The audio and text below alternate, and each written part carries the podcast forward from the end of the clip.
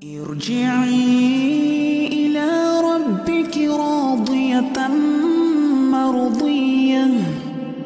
فادخلي في عبادي.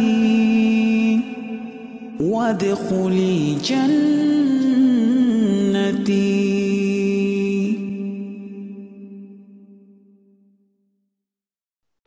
نعم وفيكم بارك الله. السلام عليكم ورحمة الله وبركاته. Waalaikumsalam warahmatullah. Innal hamdalillah nahmaduhu wa nasta'inuhu wa nastaghfiruh wa na'udzu min shururi anfusina wa min sayyiati a'malina. May yahdihillahu wa may yudlil. Wa asyhadu an la ilaha illallah wahdahu la syarikalah wa asyhadu anna Muhammadan abduhu wa rasuluh. Allahumma salli wa sallim wa barik ala nabiyyina Muhammad wa ala alihi wa sahbihi wa man tabi'ahum bi isanin ila yaumiddin amma ba'du. Alhamdulillah ma'asyiral muslimin, ma'asyiral ikhwah wal akhwat fid din rahimakumullah. Para ikhwan dan akhwat peserta kajian sahabat ilmu Darmais rahimakumullah. Alhamdulillah kita bersyukur kepada Allah Subhanahu wa taala yang senantiasa melimpahkan berbagai macam nikmat kepada kita dan tentu saja nikmat terbesar adalah nikmat iman, nikmat Islam, nikmat bisa mempelajari petunjuk Allah Subhanahu wa taala yang merupakan sebab utama yang akan menguatkan keimanan kita, menyempurnakan keislaman kita kepada Allah Subhanahu wa taala. Alhamdulillah kita dipertemukan kembali dalam majelis ilmu yang mulia dalam lanjutan pembahasan kajian kitab yang sangat bermanfaat kitab Fiqhul Asmaul Husna fikih memahami nama-nama Allah Subhanahu wa taala yang maha indah yang merupakan gerbang utama untuk menuju kesempurnaan iman. Ya, kitab Fikih Asmaul Husna yang ditulis oleh guru kita Syekh Abdul Razak bin Abdul Muhsin Al-Badr hafizahumullah taala. Saat ini kita akan melangkah ke pembahasan nama Allah Subhanahu wa taala yang berikutnya. Nama Allah Subhanahu wa taala yang setelah di pertemuan yang lalu kita telah membahas nama Allah Subhanahu wa taala Al-Hayyu Al-Qayyum. Sekarang nama Allah Al-Khaliq dan Al-Khallaq. ya. Al-Khaliq dan Al-Khallaq. Maha pencipta. Ya. Kedua nama ini tentu berdekatan maknanya dalam bahasa Arab itu kalau ada ya Al-Khallaq itu secara asal bahasa diambil dari wazan fa'al. Fa'al itu artinya sesuatu yang sangat atau banyak. Ya, misalnya kalau kita mengatakan dharib artinya orang yang memukul. Dharibun.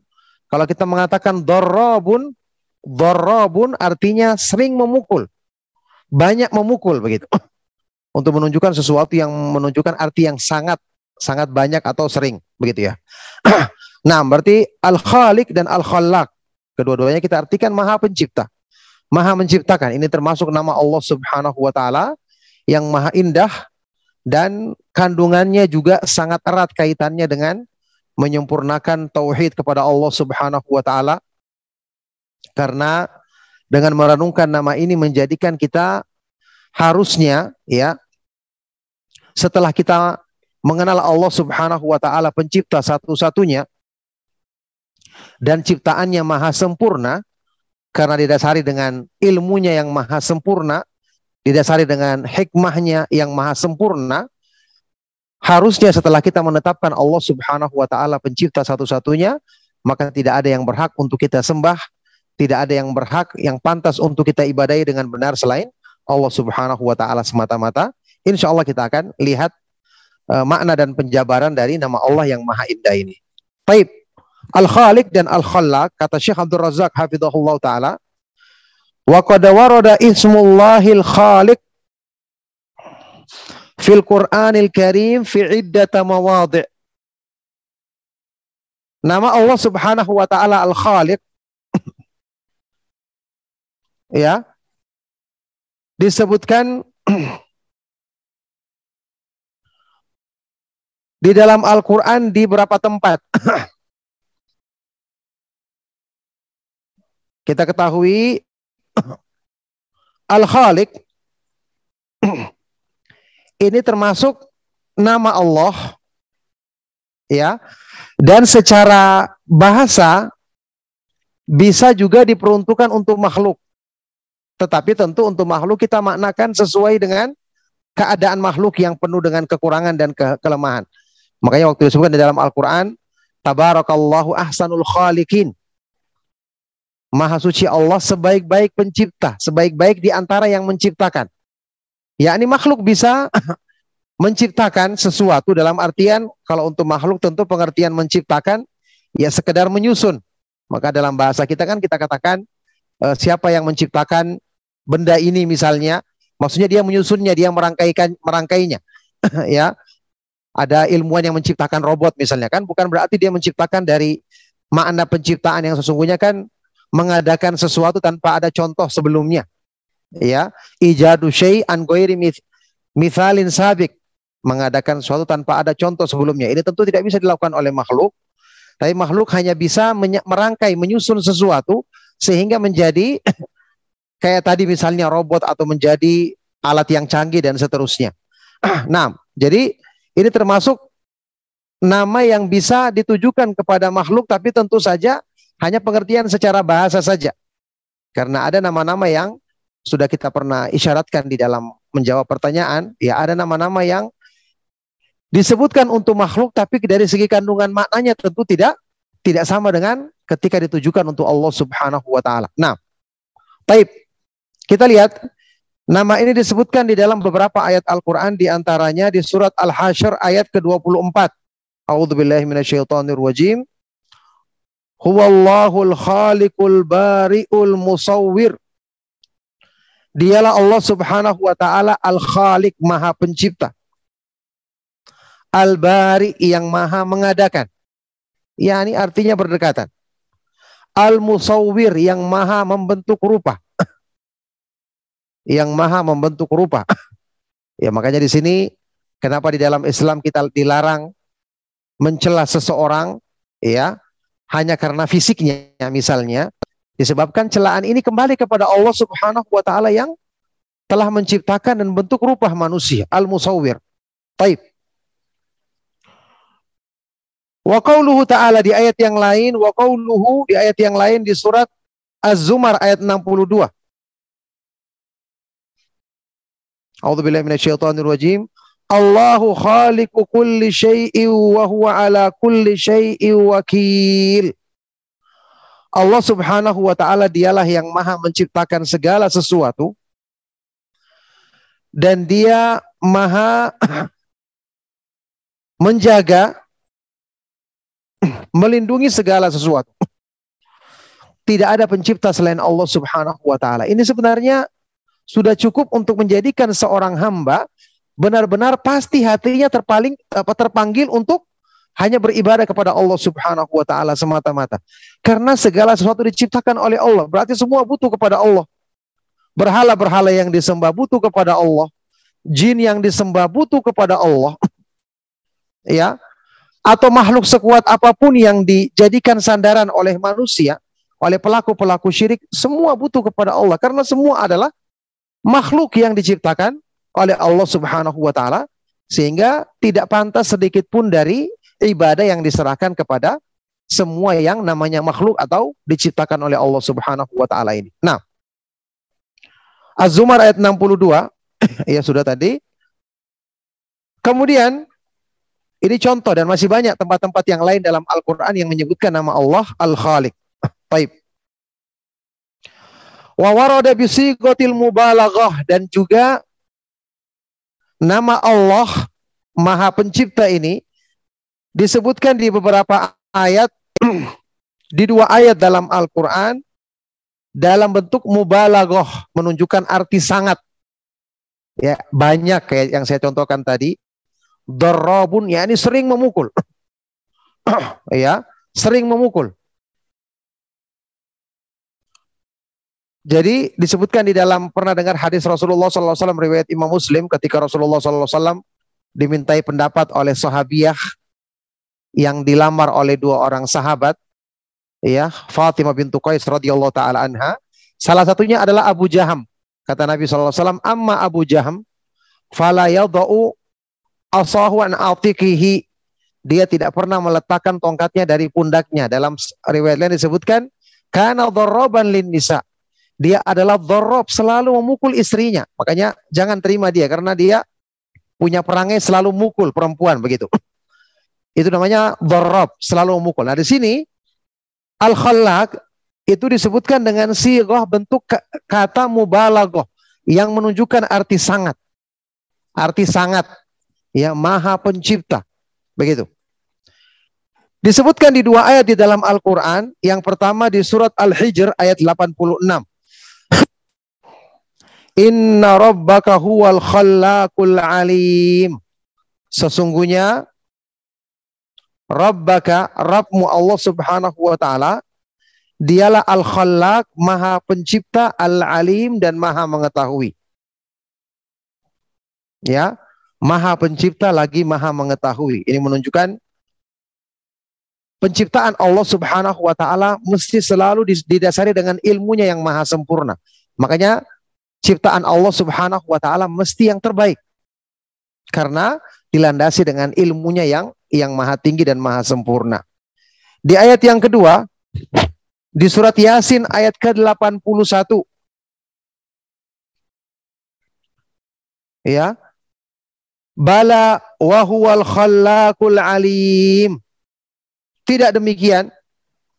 Ya. Atau bala. Ya benar demikian Wahwal khallaqul alim dan dialah yang maha menciptakan lagi maha mengetahui. nah, jadi Allah Subhanahu wa taala menyebutkan nama-namanya yang maha indah terkadang ya lebih dari satu yang artinya berdekatan. Kayak tadi Al-Khallaq dan Al-Khaliq artinya dekat. Al-Bari ya yang maha mengadakan juga artinya dekat. Al-musawwir Al-musawwir membentuk rupa ini juga artinya tidak begitu jauh. Nanti akan dibahas tersendiri dalam pembahasan yang berikutnya insya Allah. Sama dengan seperti nama Allah subhanahu wa ta'ala Al-Ghaffar, Al-Ghafur. Al-Ghafur, maha pengampun. Al-Ghaffar juga seperti itu. Ya, kemudian Ghafir, Ghafirid dzanbi qabilit taub. Ya, yang maha mengampuni dosa. Nanti juga ada pembahasannya tersendiri.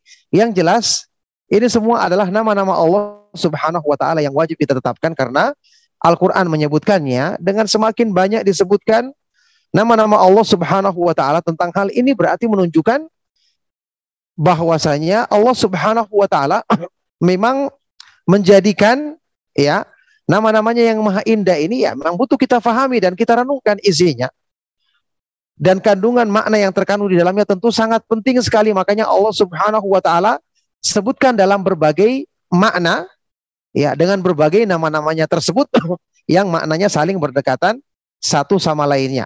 Meskipun nanti kalau diterangkan lebih rinci maka mesti ada perbedaannya di antara nama-nama yang berdekatan, berdekatan maknanya tersebut. Nanti akan semakin jelas setelah kita mengkaji masing-masing dari nama-nama ini, insya Allah. Baik. Sekarang kita lihat, jadi inilah dalil-dalil dari Al-Quran yang menyebutkan nama Allah Al-Khaliq dan Al-Khallaq.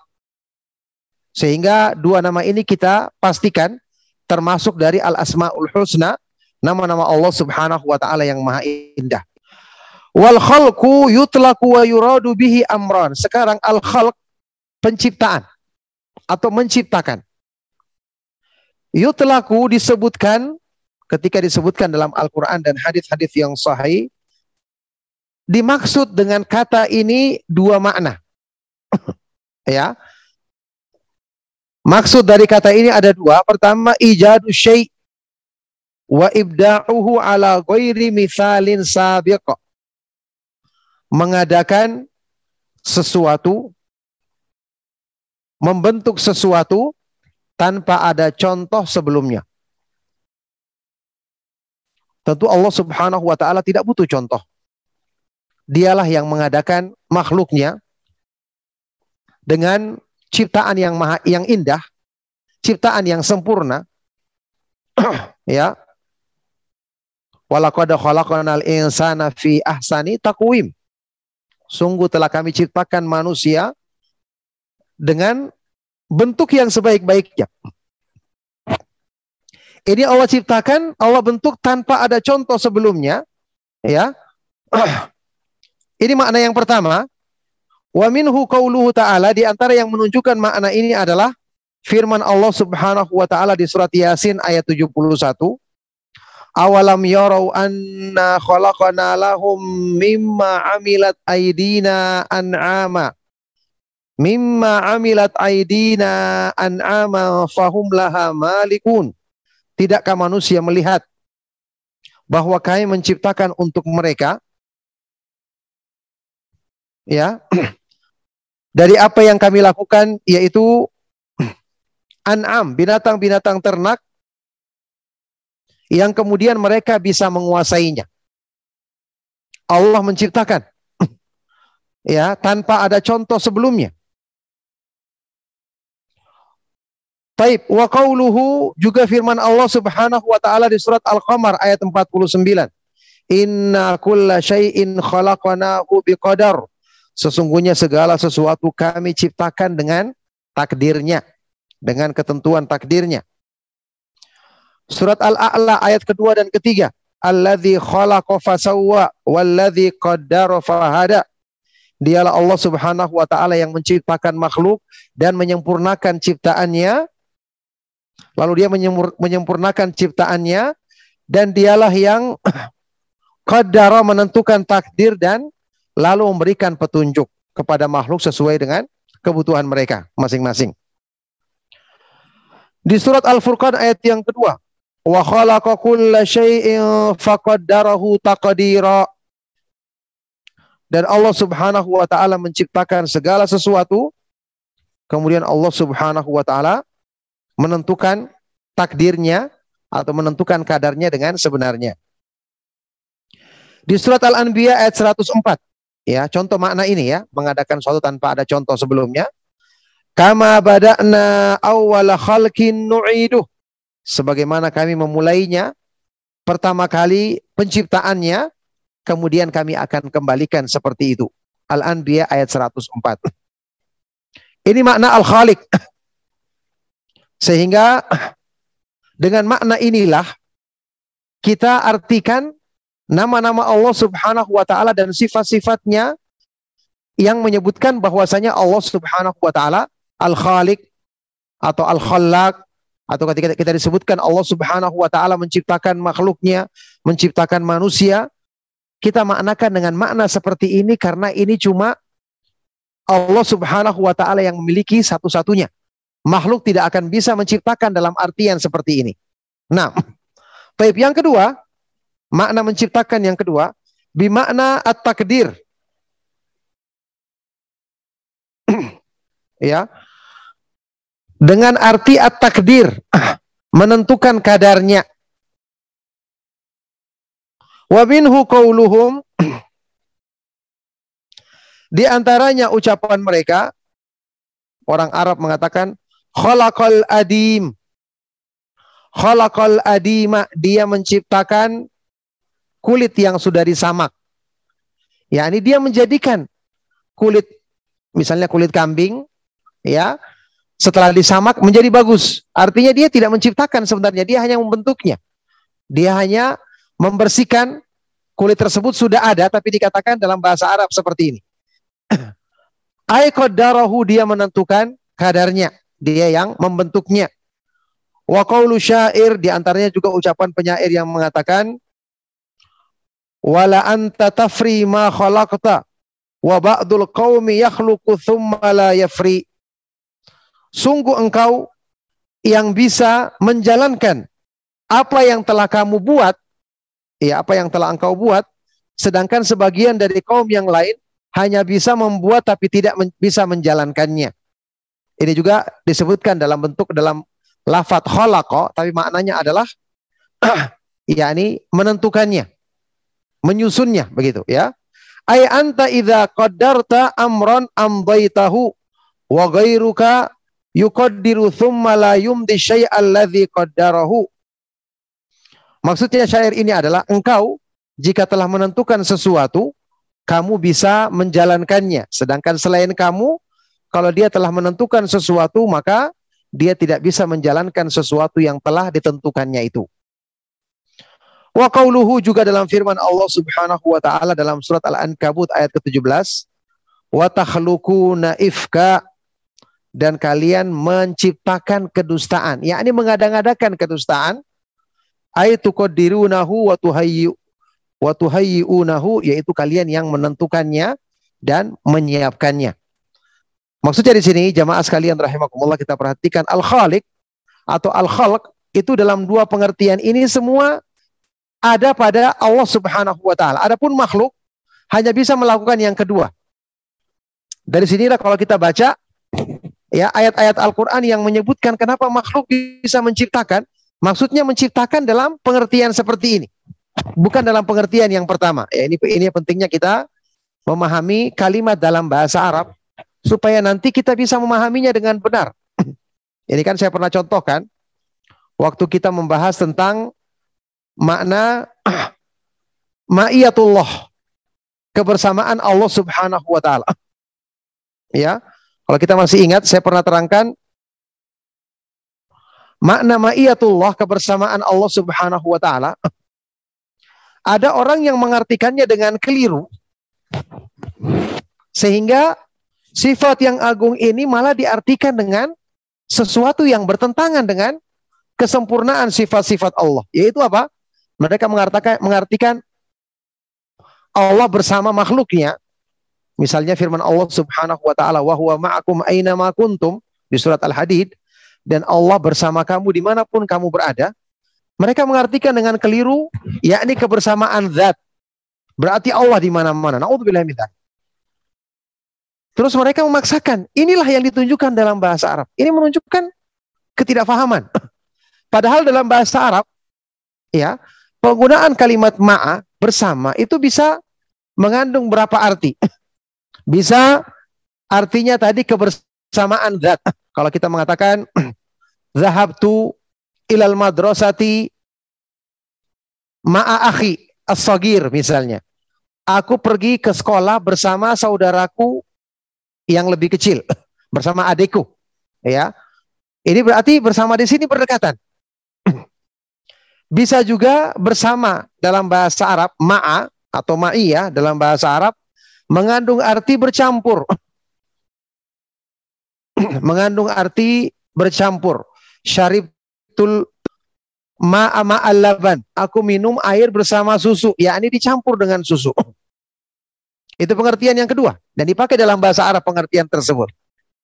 Ada yang ketiga, makna ma'iyah kebersamaan yang mutlak kebersamaan tidak mesti menunjukkan arti kebersamaan zat. Ya, kita contohkan, pada saya sebutkan contoh yang disebutkan Syekhul Islam Ibnu Taimiyah rahimahullah taala dalam kitab Al-Aqidatul Wasithiyah, ucapan eh, penyair Arab yang mensifati perjalanan mereka di malam hari, mazilna nasiru wal qamaru ma'ana.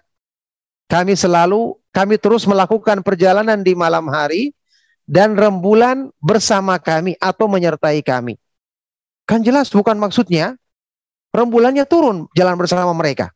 Jelas ini tidak mungkin dipahami demikian. Ya, ini rembulan bersama mereka karena rembulan senantiasa menyinari mereka dengan cahayanya. ya, menyinari mereka dengan cahayanya. Sama ketika seorang ibu mengatakan kepadanya kepada anaknya, "Pergilah kamu dan doaku, doa ibu bersamamu." Ibunya berdoa di rumahnya. Ya.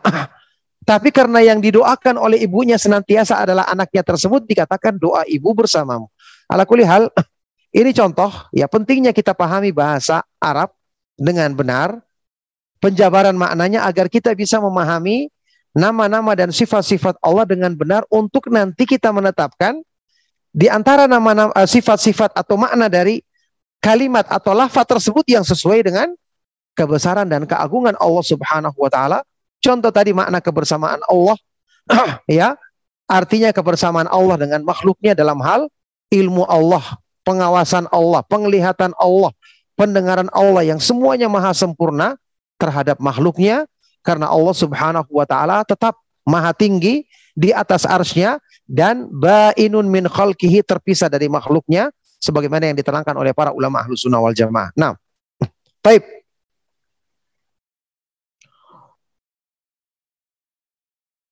Wa min hadza qauluhu ta'ala kata Syekh Abdul Razak selanjutnya Termasuk makna ini adalah firman Allah Subhanahu wa taala fatabarakallahu ahsanul khaliqin. Surat Al-Mu'minun ayat ke-40 ayat ke-14. Maka maha suci Allah Subhanahu wa taala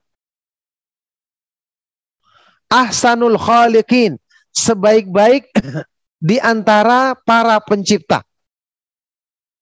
Al-khaliqin artinya para pencipta. Berarti pencipta lebih dari satu. Banyak berarti pencipta itu. Maksudnya jelas pencipta apa di sini? Penciptaan dengan makna yang kedua. Menentukan atau menyusun. Ya. Allah Subhanahu wa taala tentu maha kuasa. Bisa menentukan, bisa menyusun. Ya. Tapi juga makna yang pertama Allah Subhanahu wa taala juga maha pencipta. Nah, maksudnya di sini dikatakan al-khaliqin, para pencipta. Maksudnya di sini adalah para pencipta dengan makna ciptaan yang kedua, yakni para penyusun, para pembentuk. Seperti manusia ketika membentuk sesuatu, mungkin mereka bisa lakukan, tapi Allah Subhanahu wa taala yang sebaik-baik membentuk ya, membentuk, menciptakan kemudian membentuk hal-hal yang ada pada diri manusia. Oleh karena itu, ayat ini menunjukkan kepada kita mungkin ada yang bisa membentuk sesuatu yang berfungsi seperti organ tubuh tertentu misalnya, tapi tidak akan sebaik ciptaan ciptaan Allah Subhanahu wa taala dan tidak akan sesempurna ciptaan Allah Subhanahu wa taala. ya, fal khalqu fi nu'util adamiyyin maknahu takdir. Maka al khalq menciptakan dalam sifat manusia itu maknanya adalah at-takdir, menentukan atau sekedar menyusun saja. Wa ammal khalqul ladzi huwa ibda'u syai'i wa ijaduhu ala ghairi mithalin sabiqin fa mutafarridun bihi rabbul alamin. Adapun makna al-khalq menciptakan yaitu mengadakan sesuatu, membentuk sesuatu tanpa ada contoh sebelumnya ya, maka ini hanya Allah satu-satunya yang mampu untuk melakukannya. Allah Subhanahu wa taala Rabb semesta alam yang maha tunggal dalam hal tersebut tidak ada yang tidak ada makhluk yang bisa melakukannya. Makanya ketika Allah berfirman dalam Al-Qur'an kama qala ta'ala dalam surat Fatir ayat ketiga, hal min khalikin ghairullah? Apakah ada pencipta selain Allah? Jelas tidak ada. Dalam pengertian ini, jadi tidak bisa kita katakan di sini bahwasanya ayat ini bisa kita katakan ada pencipta selain Allah karena manusia bisa menciptakan sesuatu. Maka jawabannya penciptaan yang dimaksud di sini adalah penciptaan dalam makna yang pertama, membentuk sesuatu tanpa ada contoh sebelumnya. Nah, Taib. Wa qala ta'ala di ayat yang lain di surat Luqman ayat ke-11. Hadza khalqullah fa'aruni madza khalaqal min dunih balidh zalimuna fi dhalalin fi dhalalim mubin. Inilah ciptaan Allah. Maka perlihatkan kepadaku apa yang diciptakan oleh sembahan-sembahan yang disembah selain Allah. Ya, akan tetapi orang-orang yang berbuat zalim mereka di dalam kesesatan yang nyata. Maka di sini Allah Subhanahu wa taala menantang. Mana ciptaan dari makhluk-makhluk yang disembah selain Allah Subhanahu wa taala? Jelas jawabannya tidak ada yang bisa mereka ciptakan dalam makna ciptaan yang pertama tadi. Nah, wa fil ayati tahaddin li jami'il khalqi bal athbata subhanahu ajzan nasi ajma'in walau ijtama'u an akhirihim an khalqin an khalqi dhubabin wahidin wa huwa min adhafil haywani wa ahqarih maka dalam ini ayat ini terdapat tantangan. Tahaddi. Tantangan bagi semua makhluk. Ya. Mana ciptaan yang bisa mereka ciptakan? Sembahan-sembahan yang mereka diperlakukan seperti Allah dianggap sebagai sembahan padahal mereka tidak pantas disembah. Mana bukti mereka bisa menciptakan sesuatu? Ini tantangan bagi semua makhluk. Bahkan Allah Subhanahu wa taala menetapkan ketidakmampuan makhluk semua, ya ketidakmampuan semua manusia.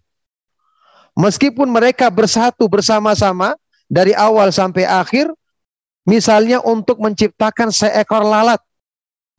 Yang lalat ini merupakan makhluk yang paling lemah dan paling hina.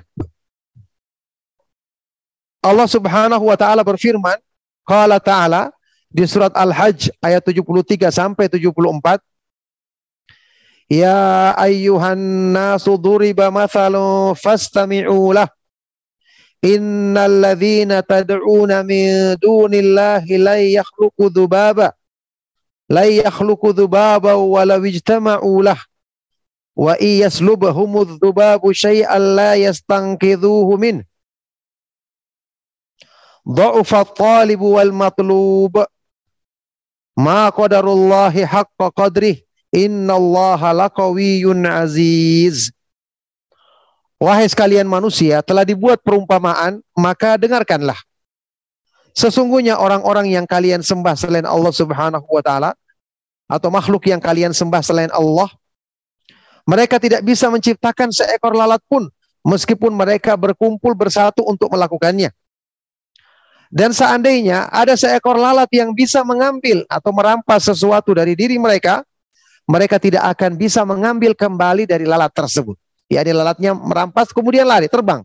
Mereka tidak akan bisa mengembalikannya. karena sama-sama lemah. Ya, yang mencari dan yang dicari. Mereka tidak memuliakan Allah Subhanahu wa taala dengan sebenar-benar pemuliaan Sesungguhnya Allah Subhanahu wa taala Maha Kuat lagi Maha Perkasa. Ini kita baca ayat Al-Qur'an yang membuat perumpamaan seperti ini.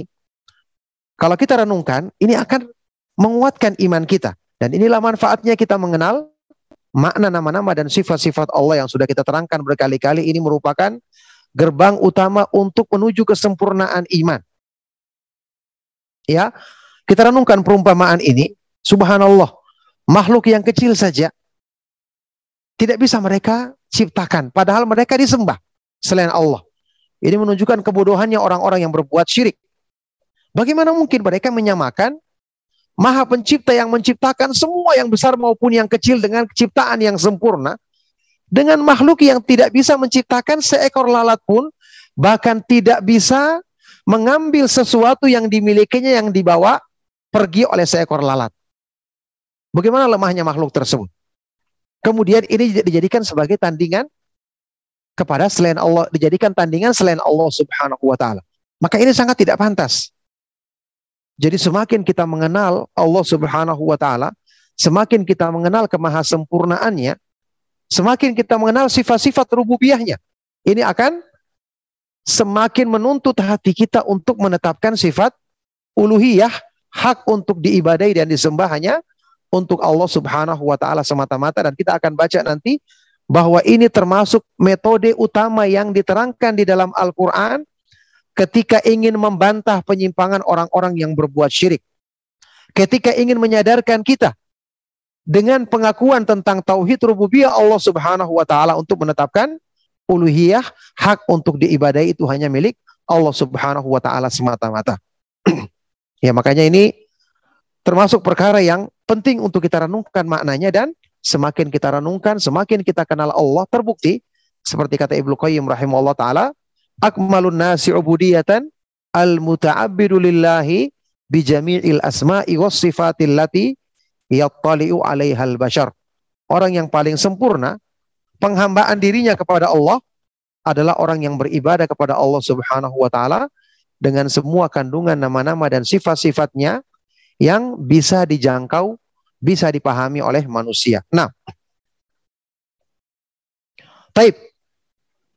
Kata beliau selanjutnya, "Tsumma inna khalqallahi li hadhil makhluqati lam yakun lahwan wala abathan aw la'iban." Nazzaha ar-rabbu wa taqaddasa an dzalika.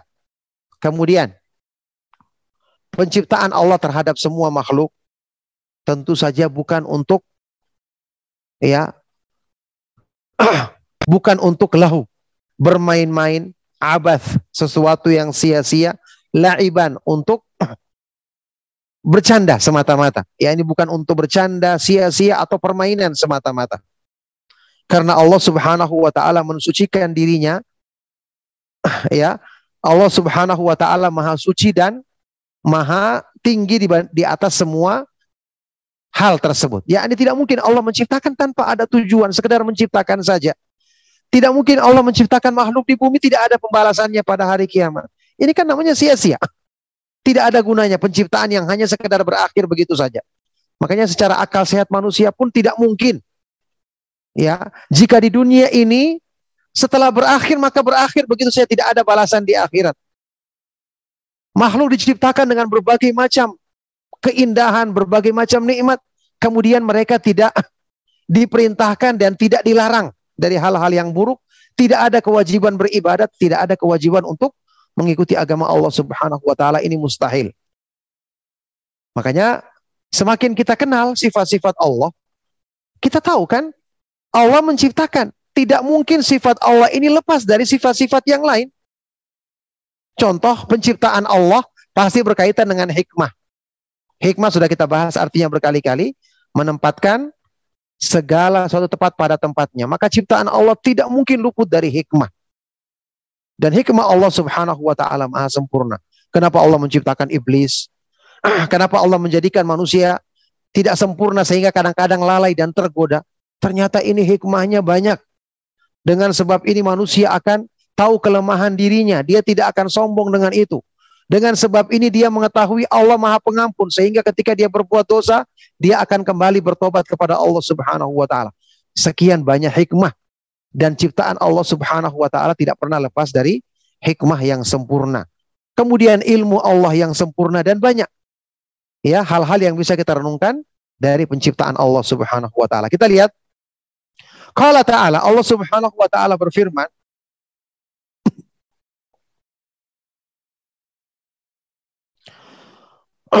di surat Al-Anbiya ayat 16 sampai 18. wa ma khalaqana as-samaa'a wal arda wa ma bainahuma la'ibin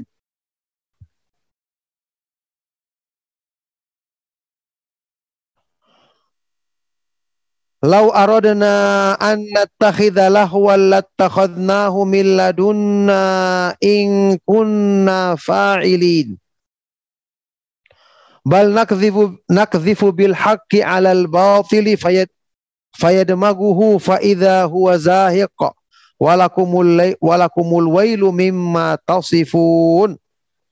Dan tidaklah kami menciptakan langit-langit dan bumi dan apa yang ada di antara keduanya dengan bermain-main yakni tanpa tujuan tanpa hikmah. Seandainya kami menghendaki untuk mengambil permainan maka kami akan mengambilnya dari sisi kami jika kami melakukannya. Bahkan kami nakdzifu bil haq, melontarkan kebenaran di atas keba kebatilan, kemudian kebenaran itu melumatkan yang batil, maka tiba-tiba kebatilan itu menjadi musnah.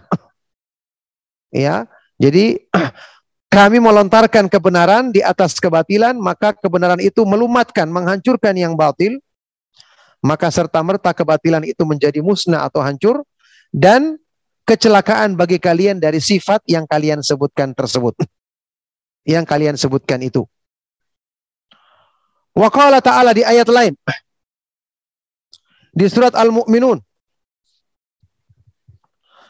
Ayat 115 116. Afa hasibutum annama khalaqnakum abatha wa annakum ilaina la turja'un. Fata'ala Allahul malikul haqq. La ilaha illa huwa rabbul arshil karim. Apakah kalian menyangka wahai manusia bahwa kami menciptakan kalian hanya abas ya tanpa tujuan, tanpa maksud dan bahwasanya kalian tidak akan dikembalikan kepada kami. Fata'ala Allah, maka maha tinggi Allah. Tidak mungkin Allah melakukan itu. Dialah al-malikul haq, maha penguasa dan maha benar. Tidak ada sembahan yang benar selain dia. Rabb yang maha menguasai ars yang agung. Ya. Bal khalaqa subhanahu al-khalaqa liya'rifuhu wa ya'buduh. Allah Subhanahu wa taala menciptakan semua makhluk agar mereka mengenalnya dan menyembahnya beribadah kepadanya semata-mata.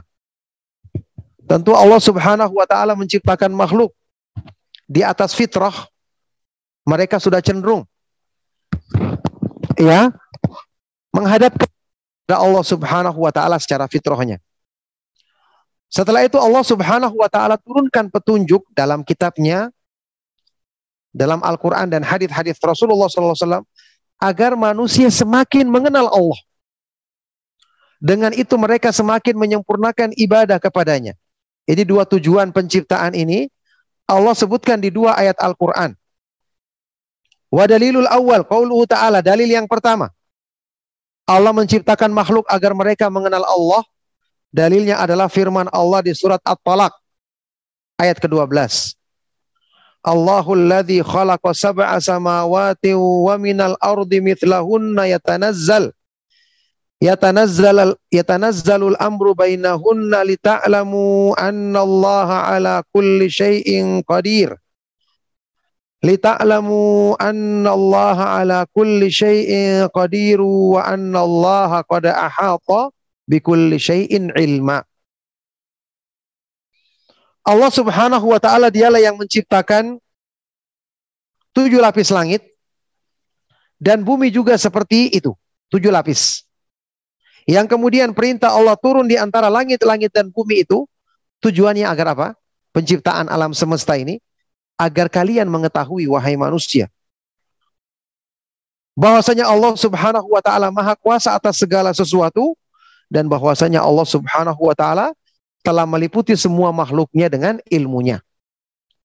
Jadi tujuannya penciptaan alam semesta dengan ayat ini agar manusia mengenal sifat-sifat kesempurnaan Allah Subhanahu wa taala yang dengan sebab ini mereka akan semakin cinta, semakin tunduk, semakin takut dan semakin berharap kepada Allah Subhanahu wa taala semata-mata. Dalil tsani, dalil yang kedua, bahwasanya Allah menciptakan makhluk untuk beribadah kepadanya. Firman Allah di surat Az-Zariyat ayat 56. Wa ma khalaqatul jinna wal insa illa liya'budun. Dan tidaklah kami menciptakan jin dan manusia kecuali agar mereka beribadah kepada Allah Subhanahu wa taala semata-mata. Jadi ayat ini tegas sekali menyebutkan tentang tujuan penciptaan jin dan manusia agar mereka beribadah kepada Allah semata-mata. Berarti penciptaan Allah ada tujuannya. Ya. Dan tujuan ini bukan karena Allah butuh kepada kita. Kan kemarin sudah kita singgung makna Allah, makna nama Allah Subhanahu wa taala Al-Qayyum. Yang dia mengandung makna Al-Ghani, nama Allah Al-Ghani, Maha Kaya. Karena Allah Subhanahu wa taala yang maha tegak pada dirinya sendiri, ya maha berdiri sendiri dan maha menegakkan makhluknya, mengurus semua urusan makhluknya. Berarti Allah Subhanahu wa taala tidak butuh. Ketika dia menciptakan makhluk tujuannya agar mereka beribadah kepada Allah, kita harus ingat ibadah ini adalah karena kebutuhan kita. Allah mengarahkan kita, memerintahkan kita, mengajak kita untuk beribadah kepadanya Meskipun dia tidak butuh kepada kita karena rahmatnya, karunianya, sehingga Allah subhanahu wa ta'ala menghendaki hamba-hambanya agar bisa memenuhi kebutuhan mereka yang terbesar yaitu mengenal Allah subhanahu wa ta'ala. Kemudian beribadah kepadanya, yang mengesahkannya dalam beribadah hanya menghambakan diri kepada Allah subhanahu wa ta'ala semata-mata. Subhanallah, dengan semakin kita mengenal sifat al-khalq, Allah Subhanahu wa taala menciptakan, kita mengambil faedah untuk semakin kita mengenal Allah Subhanahu wa taala dan semakin menyempurnakan ibadah kita kepadanya. Kata beliau selanjutnya di sini, wa qad dhalla aktsarul khalqi fi hadzal babi. فعرفوا أن الذي خلقهم هو الله وحده.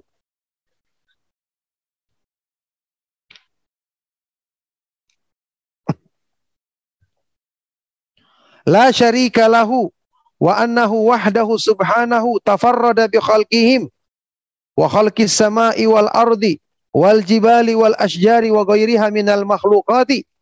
ومع هذا الإقرار صرفوا العبادة لغيره wa huwa ma'na qawlihi wa ma yu'minu aktsaruhum billahi illa wa.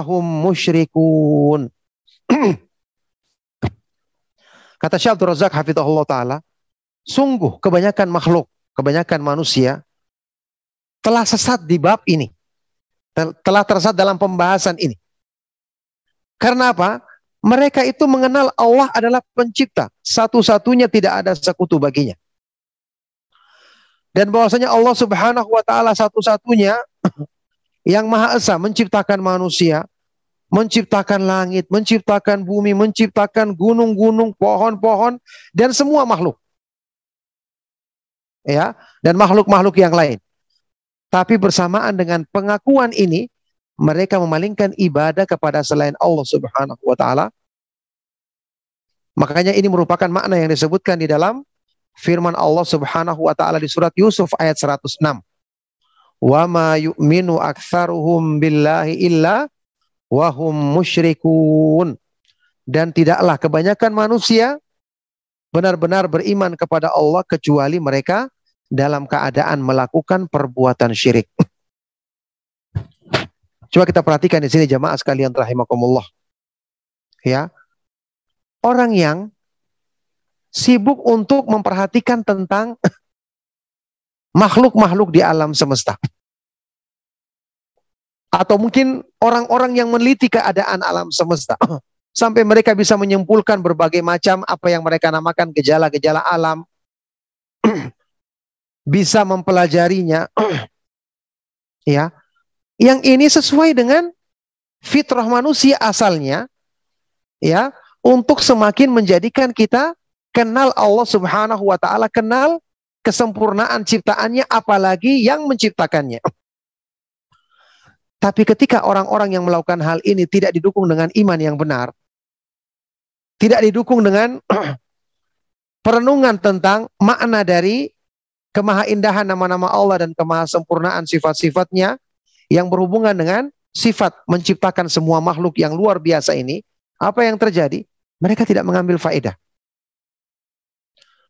Mereka malah berpaling dari ibadah kepada Allah Subhanahu wa taala kemudian menyekutukannya padahal mereka sudah menetapkan tidak ada pencipta kecuali Allah Subhanahu wa taala semata-mata.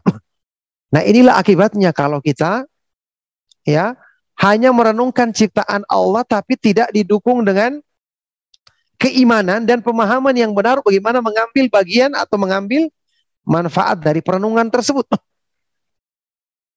Makanya orang-orang yang bisa mengambil perenungan adalah ulul albab. Wa ma yadzakaru illa ulul albab. Tidaklah bisa mengambil pelajaran kecuali hanya orang-orang yang berakal. Yakni berakal sehat karena akalnya diluruskan dengan iman. Diluruskan dengan pemahaman Islam yang benar. Mereka lah yang bisa mengambil pelajaran dari ketika merenungkan dan memikirkan ciptaan Allah Subhanahu wa taala di alam semesta ini.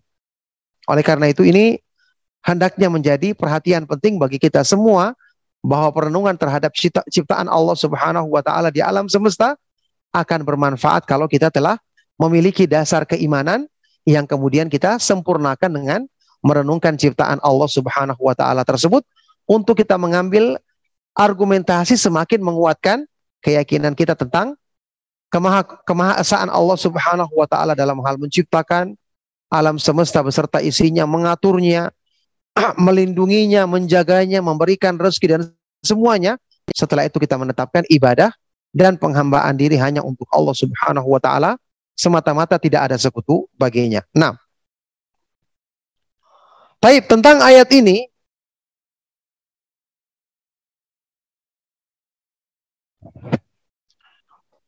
Firman Allah di surat Yusuf ayat 106 ini, qala Ibnu Abbasin radhiyallahu taala anhu ditafsirkan oleh sahabat yang mulia Abdullah Ibnu Abbas radhiyallahu taala anhu, anak pamannya Rasulullah sallallahu alaihi wasallam.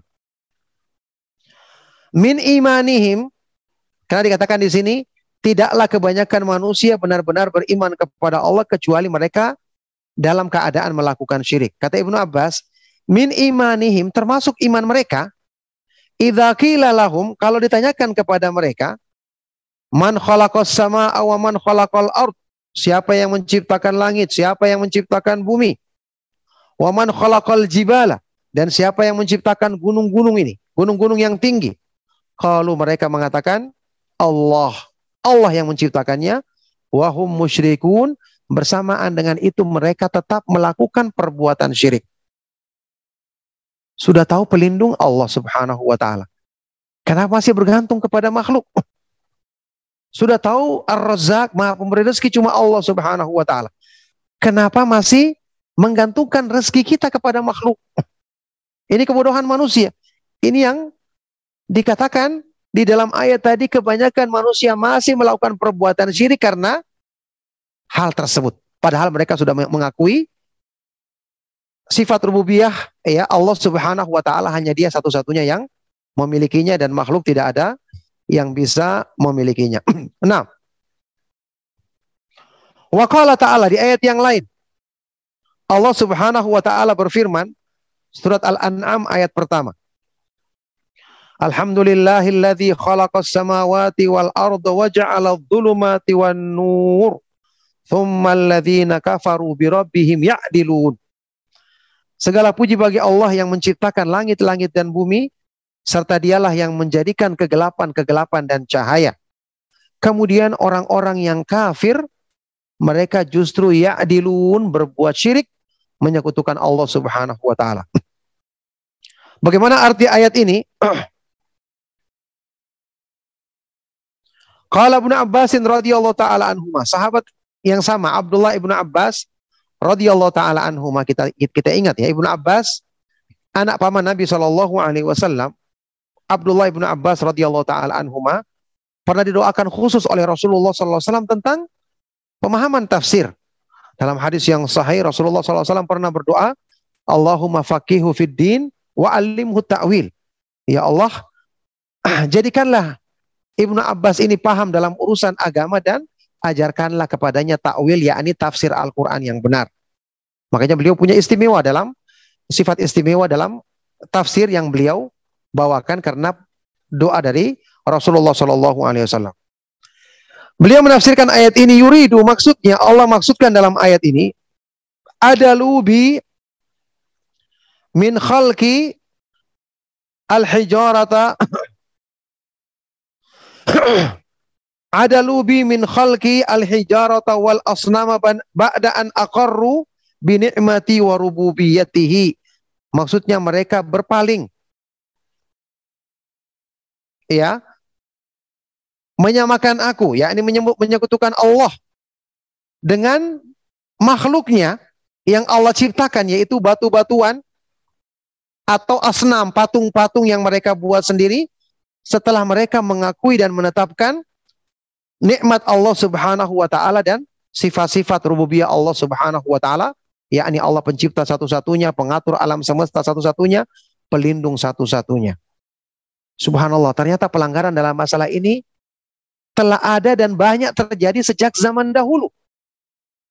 Yang kemudian masih berlaku sampai sekarang, orang-orang yang telah mengetahui rububiyah Allah Subhanahu wa taala kemudian tetap menyekutukannya. Oleh karena itu sudah pernah kita bahas bahwa kenapa dalam mengartikan kalimat la ilaha illallah kita tidak bisa mengartikannya secara makna rububiyah. Allah pencipta, tidak ada pencipta selain Allah, tidak ada pelindung selain Allah, tidak ada pengatur selain Allah. Ini betul maknanya, tapi La ilaha illallah penekanannya adalah pada makna uluhiyah. Setelah kita menetapkan itu, apa konsekuensinya? Harusnya kita menetapkan tidak ada yang berhak disembah dengan benar, tidak ada sembahan yang benar, tidak ada yang pantas untuk diserahkan ibadah dalam segala bentuknya kecuali hanya kepada Allah Subhanahu wa taala semata-mata dan tidak ada tidak ada sekutu baginya. Taibarakallahu fikum. Ma'asyiral ikhwah wal akhwat fiddin rahimakumullah. Ya kaum muslimin para peserta kajian sahabat ilmu darmais rahimakumullah. Insya Allah cukup sampai di sini.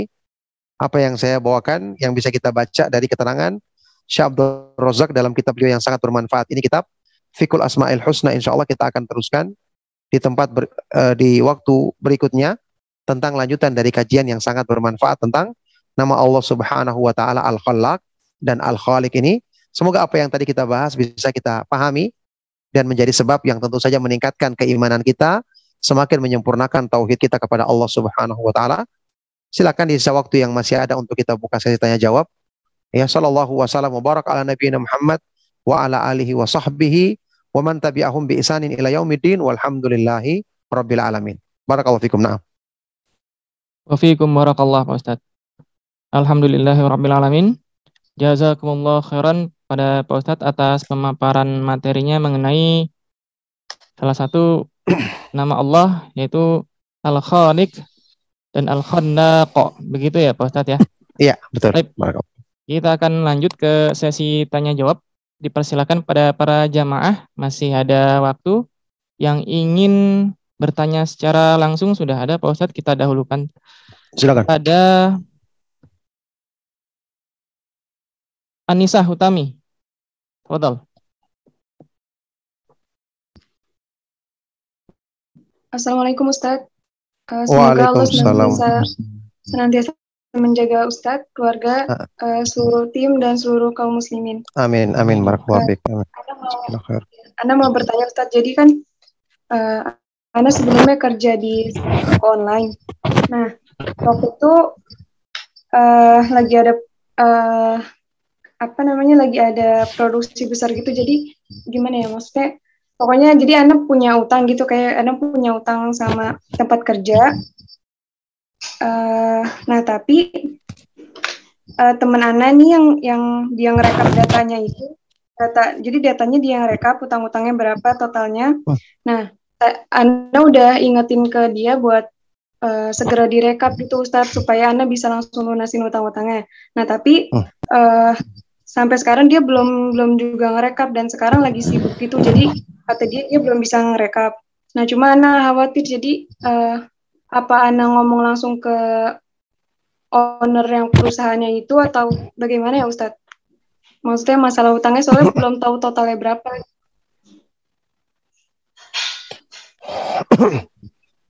Iya. Barakallahu fiik ya. Pertanyaan yang sangat baik sekali Yes. Dari beliau yang bertanya. Semoga Allah Subhanahu wa taala senantiasa melimpahkan kebaikan, keberkahan dan kemudahan kepada beliau dan kepada kita semua. Ya, tentang kondisi seperti ini memang ya kita tahu sendiri eh, utang ya termasuk perkara yang kita diperintahkan untuk disegerakan apalagi kita sudah mampu untuk melunasinya jangan ditunda-tunda karena kan kita tahu ada hadis yang mel- melarang menunda pembayaran utang padahal kita sudah mampu untuk melakukannya ya karena nanti risikonya sangat besar misalnya masalah yang berhubungan dengan kematian atau kemudian nanti kita lupa dan seterusnya. ya seandainya dengan kita melapor kepada pemiliknya atau ownernya langsung itu bisa menjadikan diketahui utang kita dan mungkin lebih cepat kita bayar ya itu yang kita usahakan. itu yang kita usahakan ya. dan mungkin dengan sebab ini pemilik tersebut akan bisa menekan eh, temannya yang tadi merekap eh, catatan tersebut, ya data-data tentang utang tersebut, maka lakukan itu yang baik mungkin untuk kita kerjakan agar kita bisa segera menyelesaikan masalah ini, ya, menyelesaikan utang-utang kita. Mungkin di waktu berikutnya kalau seandainya tidak perlu untuk berutang ya sebaiknya jangan sampai ber- berutang kembali. Kalau seandainya bisa dilakukan dengan cara lain supaya kita tidak terlibat dengan lama-lama berutang. Misalnya kalaupun terpaksa kita berutang, mungkin kita berutang ke teman kita saja yang lebih mudah nanti kita bayar. Tidak dengan sesuatu yang mungkin banyak data yang sehingga tadi menjadi sebab susah untuk dipercepat perhitungan utangnya itu. Itu yang tentu kita harus hindari. Kita cari yang lebih mudah.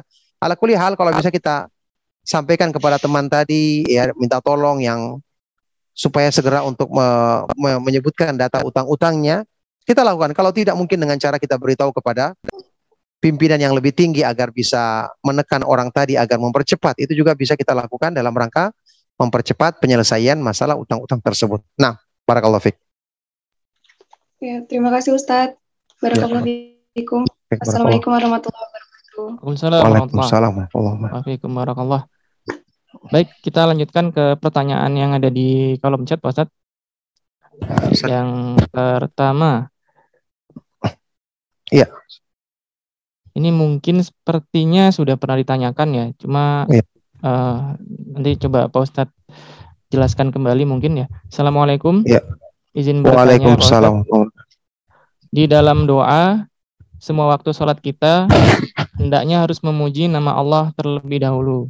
Apakah benar jika sebelum berdoa, Ana menyebutkan beberapa nama indah Allah? Misal, Ya Rahman, Ya Rahim, Ya Khalik. Adakah bacaan adab yang lain sebelum berdoa yang mungkin lebih afdol, Pak Ustadz? Jazakallah khairan. Iya, ini maksudnya tadi doa di dalam sholat ya? Ya, Gitu ya? Betul. Iya, Ya, barakallahu fiik. Ya, pertanyaan yang sangat baik sekali dari beliau yang bertanya.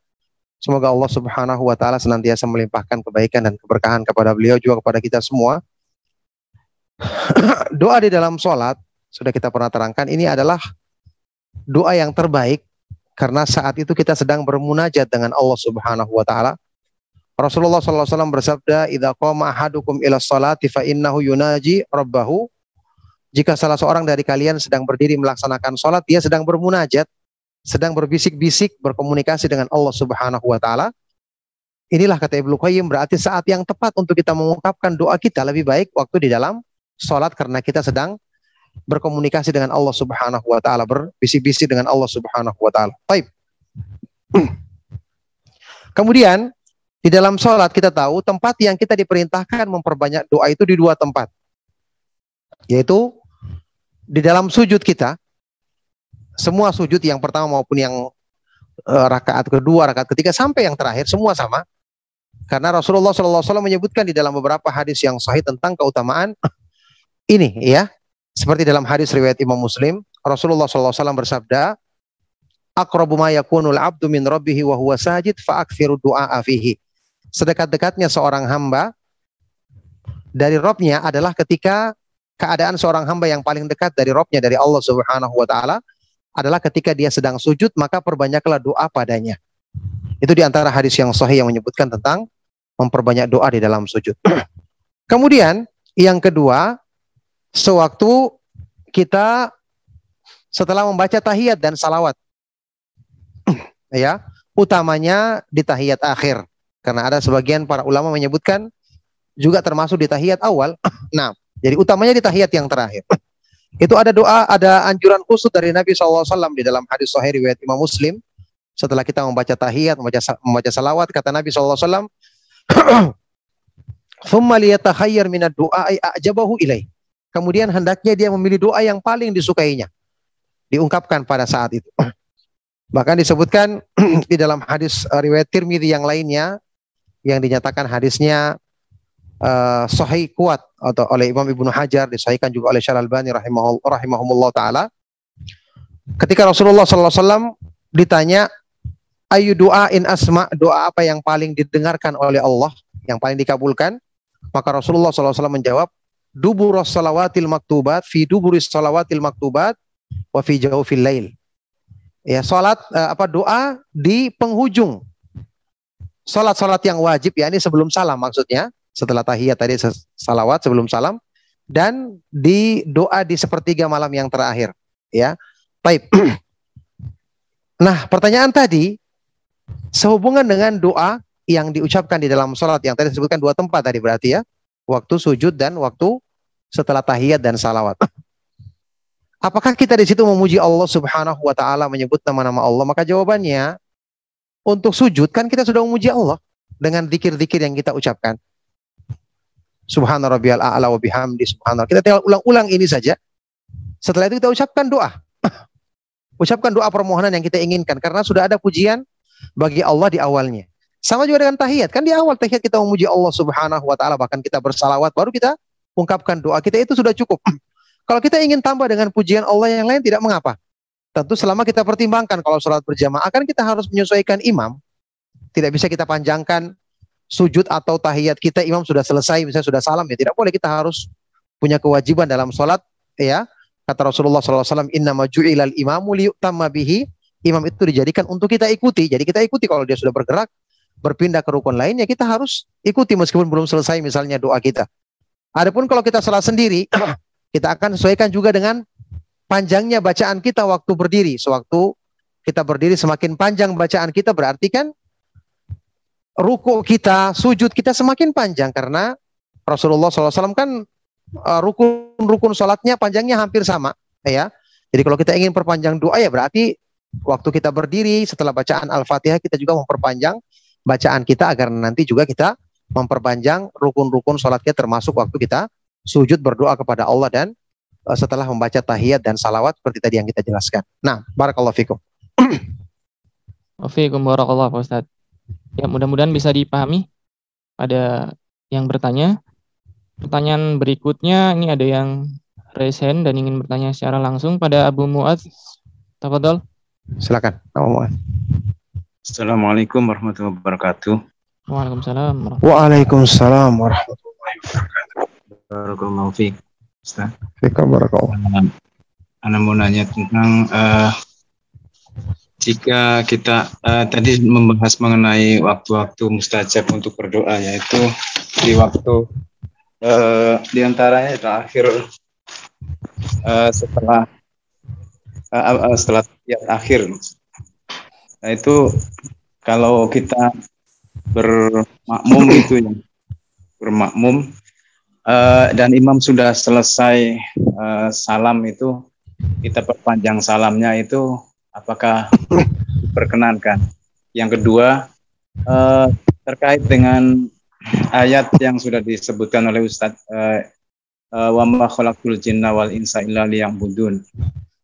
Eh, kalau apakah benar ini pemahaman anak eh, bahwa jadi apa pun yang kita karena ni- diniatkan karena Allah dan tidak melakukan maksiat walaupun itu hal-hal yang sifat duniawi pun sebetulnya semuanya bernilai ibadah gitu. Karena eh, apa yang eh, yang Allah menciptakan semuanya itu untuk ibadah gitu. Be- demikian saja. Jazakallah khair. Assalamualaikum. Iya, barakallahu fikum. Eh, untuk pertanyaan yang pertama tadi ya, ya barakallahu fik tadi pertanyaan yang sangat baik sekali. Semoga Allah Subhanahu wa taala senantiasa melimpahkan kebaikannya kepada antum dan kepada kita semua. Pertanyaan pertama sudah dijawab ya. Pertanyaan yang pertama sudah kita jawab. Kalau imam sudah salam maka kita harus segera mengikuti imam untuk salam. Ada sebagian kita lihat ketika jamaah masjid sedang sholat berjamaah, imam sudah eh, bangkit tahiyat akhir biasanya ini sujud yang terakhir. Sebagian makmum masih masih sujudnya panjang sekali panjang sekali sujudnya, tidak langsung mengikuti imam. Ini bisa batal sholatnya kalau kelamaan. Karena menyelisih imam itu bisa membatalkan sholat. kalau sampai kelamaan dia mengikuti gerakan imam, ini bisa batal sholatnya. Tadi kan sudah kita sebutkan hadis Rasulullah SAW riwayat Imam Muslim. Rasulullah SAW bersabda, Innama ju'ilal imamu liyu'tamma bihi imam dijadikan untuk diikuti. Maksudnya itu gerakannya kita harus ikuti. Namanya mengikuti itu setelah imam bergerak ya kita bergerak. Setelah imam selesai mengucapkan takbir, Allahu Akbar, menunjukkan dia bergerak, kita ikut bergerak. Tidak boleh kita tunda lama-lama. ya, sampai sebagian ulama saja menyebutkan misalnya kita datang terlambat. Kita sedang baca Al-Fatihah. Al-Fatihah ini rukun. ya. Kalau imam sudah ruku, kita masih baca Al-Fatihah belum selesai, kalau kita perkirakan tinggal sedikit, misalnya ayat terakhir kita percepat, kita ikuti. Kalau tidak, kita ikuti imam karena lebih wajib untuk mengikuti imam dalam hal ini. Adapun kekurangan dalam bacaan Al-Fatihah nanti itu merupakan eh, disempurnakan oleh imam. Ya karena Rasulullah SAW bersabda al imamu dhamin. Iman itu adalah penanggung jawab. Jadi sampai yang seperti ini saja kita tetap dahulukan mengikuti imam. Apalagi cuman sesuatu yang tidak wajib hukumnya. Kayak tadi membaca doa misalnya, maka kita bisa berdoa di waktu yang lain, tapi kewajiban mengikuti imam ini harus kita lakukan karena kalau kelamaan dia ketinggalan mengikuti imam bisa membatalkan sholat sholatnya tersebut. Nah, itu yang pertama.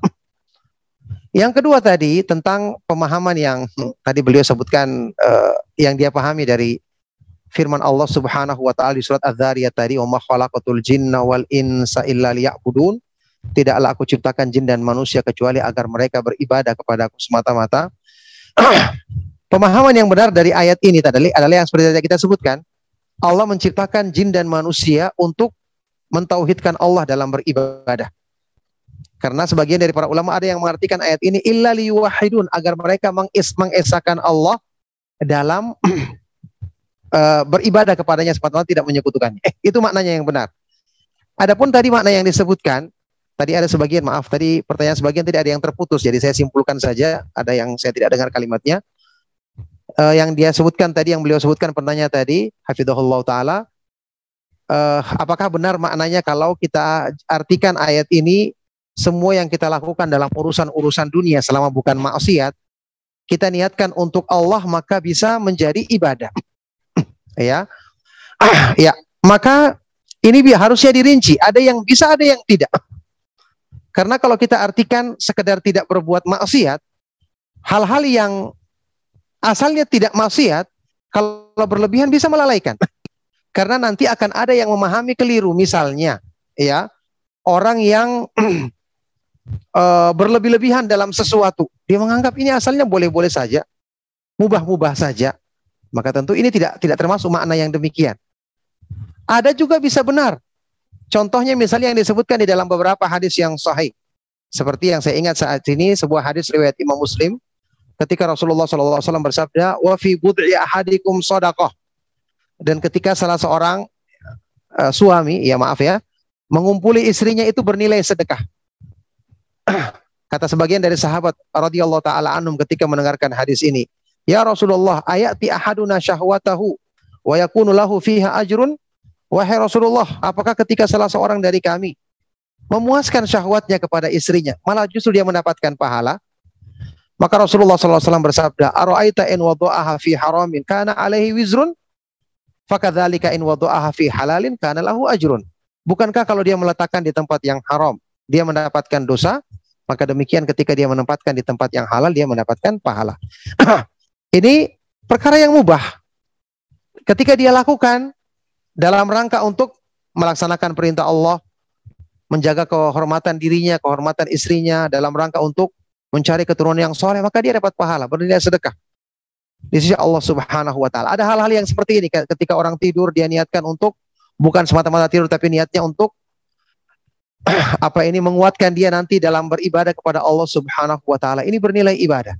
Ya, cuma tentu saja tetap harus ada uh, tolak ukurnya dalam syariat Islam tidak sampai kita berlebih-lebihan melakukannya, tidak sampai kemudian kita menganggap misalnya orang yang bekerja pagi, siang sampai malam, tetap dia bekerja dengan alasan saya niatkan untuk ibadah. Bagaimana mungkin? Ya ini sudah mungkin sampai pada tahapan berlebih-lebihan. Anda terlalu sibuk mengurus urusan dunia, sementara urusan akhirat diberikan waktu yang sedikit. Ya karena dia bekerjanya pagi, siang dan malam sehingga tidak sempat ngaji, tidak sempat belajar agama dengan alasan dia niatkan pekerjaan tersebut untuk ibadah kepada Allah jelas ini tidak benar karena melampaui batas dari apa yang disyariatkan di dalam di dalam Islam. Nah, barakallahu fikum. Ya.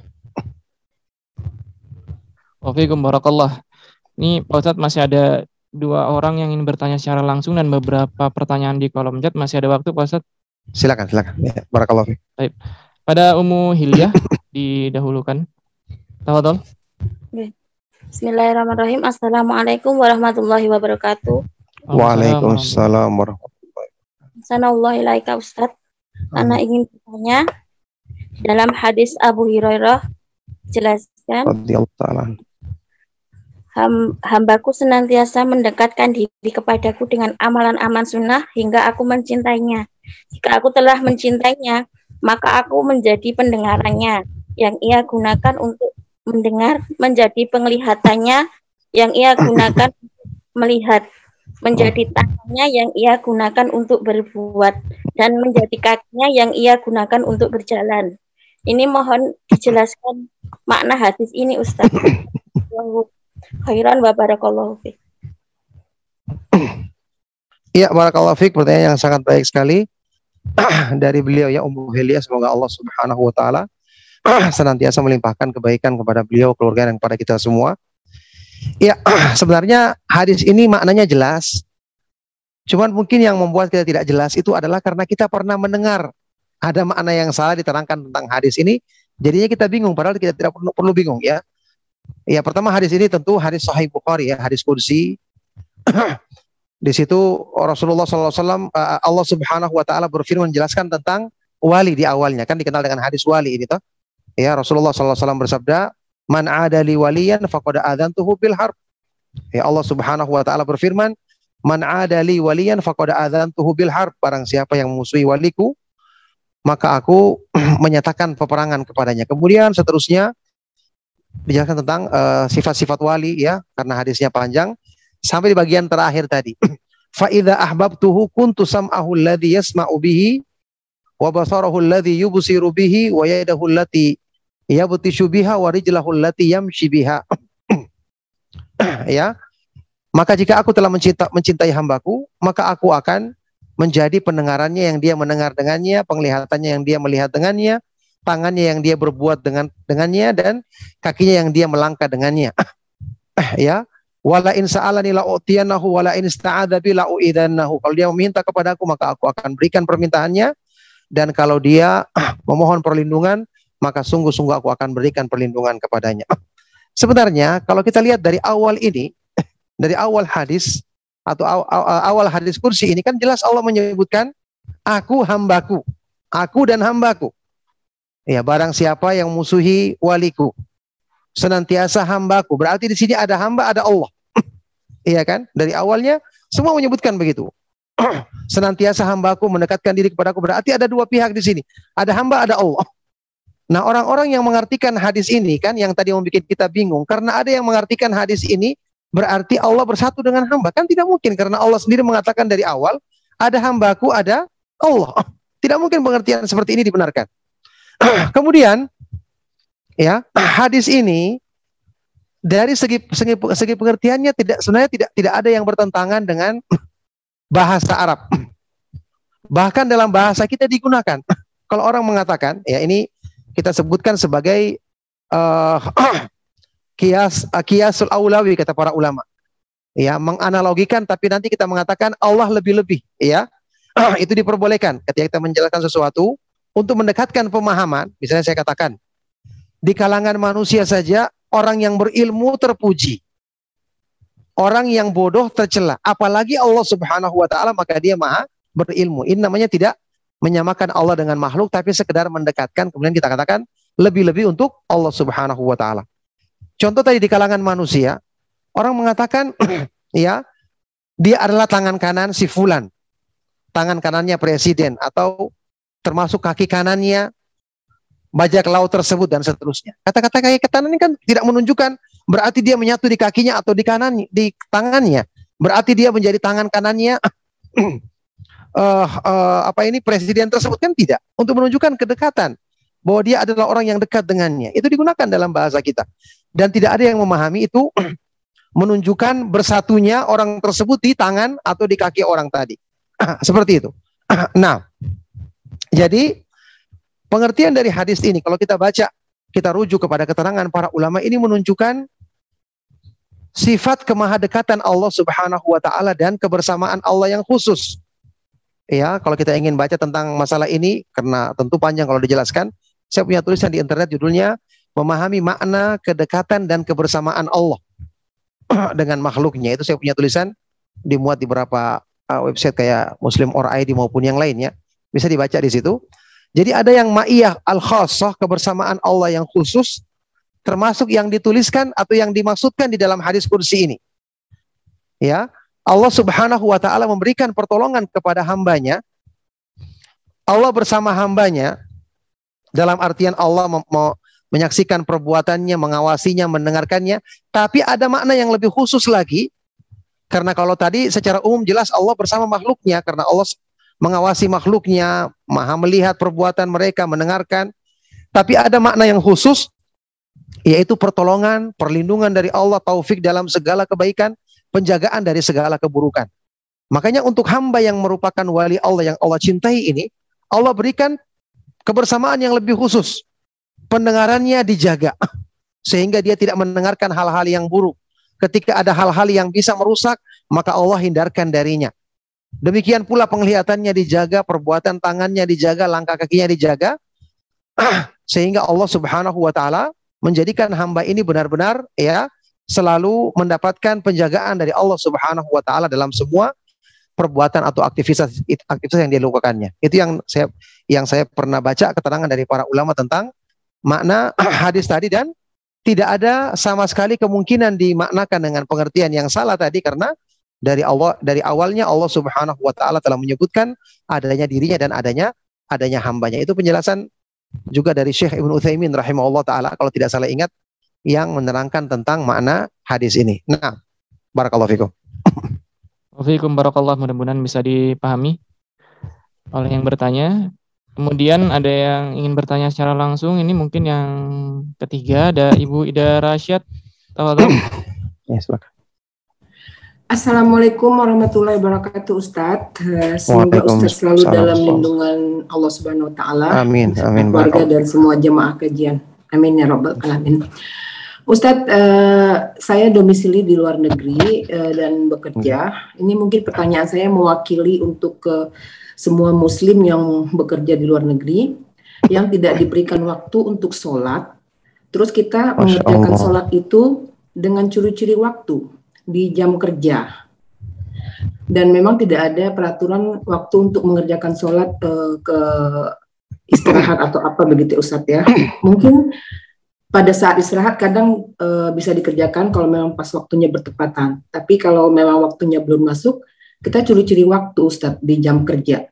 Hmm. Yang ingin saya tanyakan gimana itu hukumnya saya sebagai pekerja kepada eh, perusahaan eh, karena saya memakai jam kerjanya untuk beribadah kepada Allah yang tidak disetujui oleh perusahaan. Eh, apakah saya berdosa atau yang lainnya yang mengerjakan karena banyak muslim di Eropa seperti itu Ustadz yang bekerja tidak diberi waktu sholat dan kita mengerjakan sholat itu di waktu kerja secara sembunyi-sembunyi. Barakallah Ustadz. Eh, itu pertanyaan saya mewakili teman-teman yang di luar negeri. Iya, barakallahu fiik.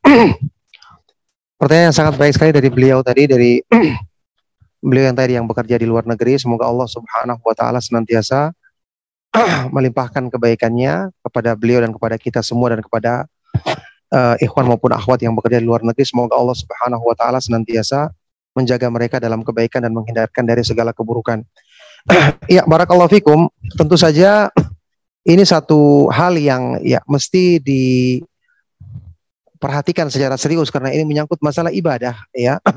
Pastinya kita semua sudah tahu bahwasanya pekerjaan kita tidak boleh menjadi hal yang kita dahulukan daripada ibadah kepada Allah Subhanahu wa taala. Yang jelas kita eh, berdoa kepada Allah Subhanahu wa taala semoga Allah memberikan solusi yang terbaik ya.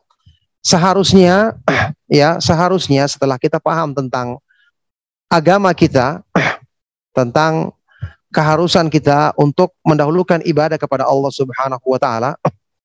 Apalagi mungkin bagi laki-laki yang di sana ada masjid yang dia bisa dengarkan pemandangan azan meskipun mungkin jarang juga.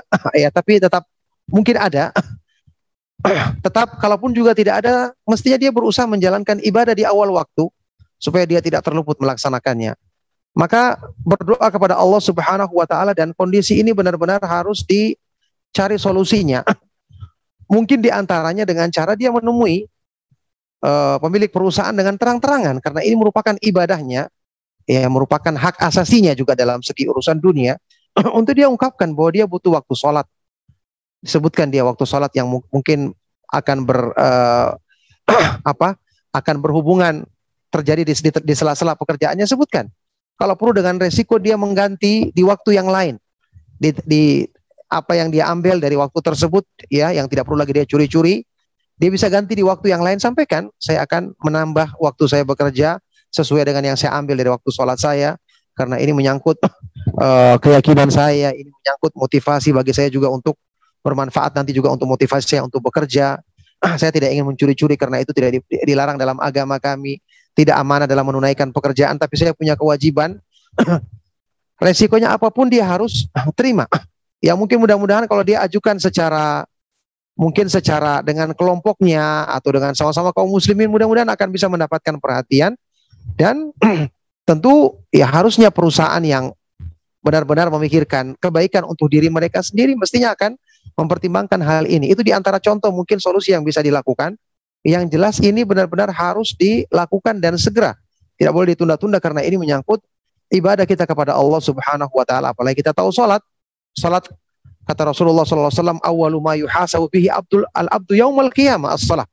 Yang pertama kali ibadah yang akan dihisap di hadapan Allah adalah salat kita. Kalau beres salat, beres semua ibadah yang lain. Kalau tidak, maka akan menjadi masalah bagi semua hal yang lainnya di hadapan Allah Subhanahu wa taala. Maka cari solusi yang terbaik setelah berdoa kepada Allah Subhanahu wa taala.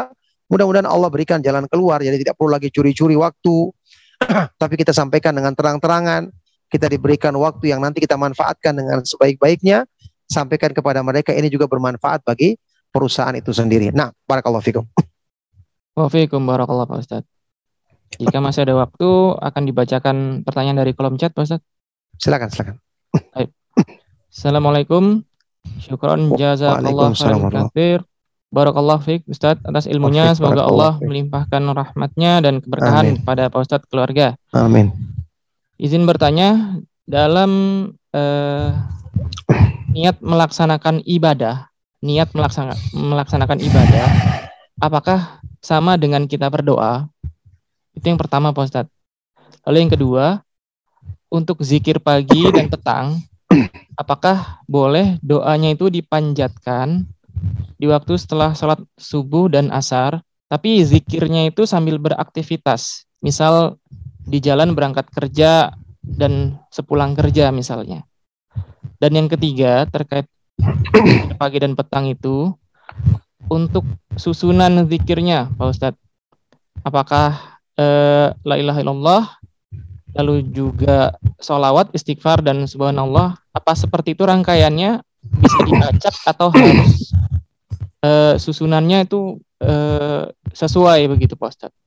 Kira-kira seperti itu. Syukron jazakallah khairan. Iya, barakallahu fikum. Eh, pertanyaan yang sangat baik sekali dari beliau yang bertanya tadi. Semoga Allah Subhanahu wa taala senantiasa memberikan kebaikan kepada beliau dan kepada kita semua.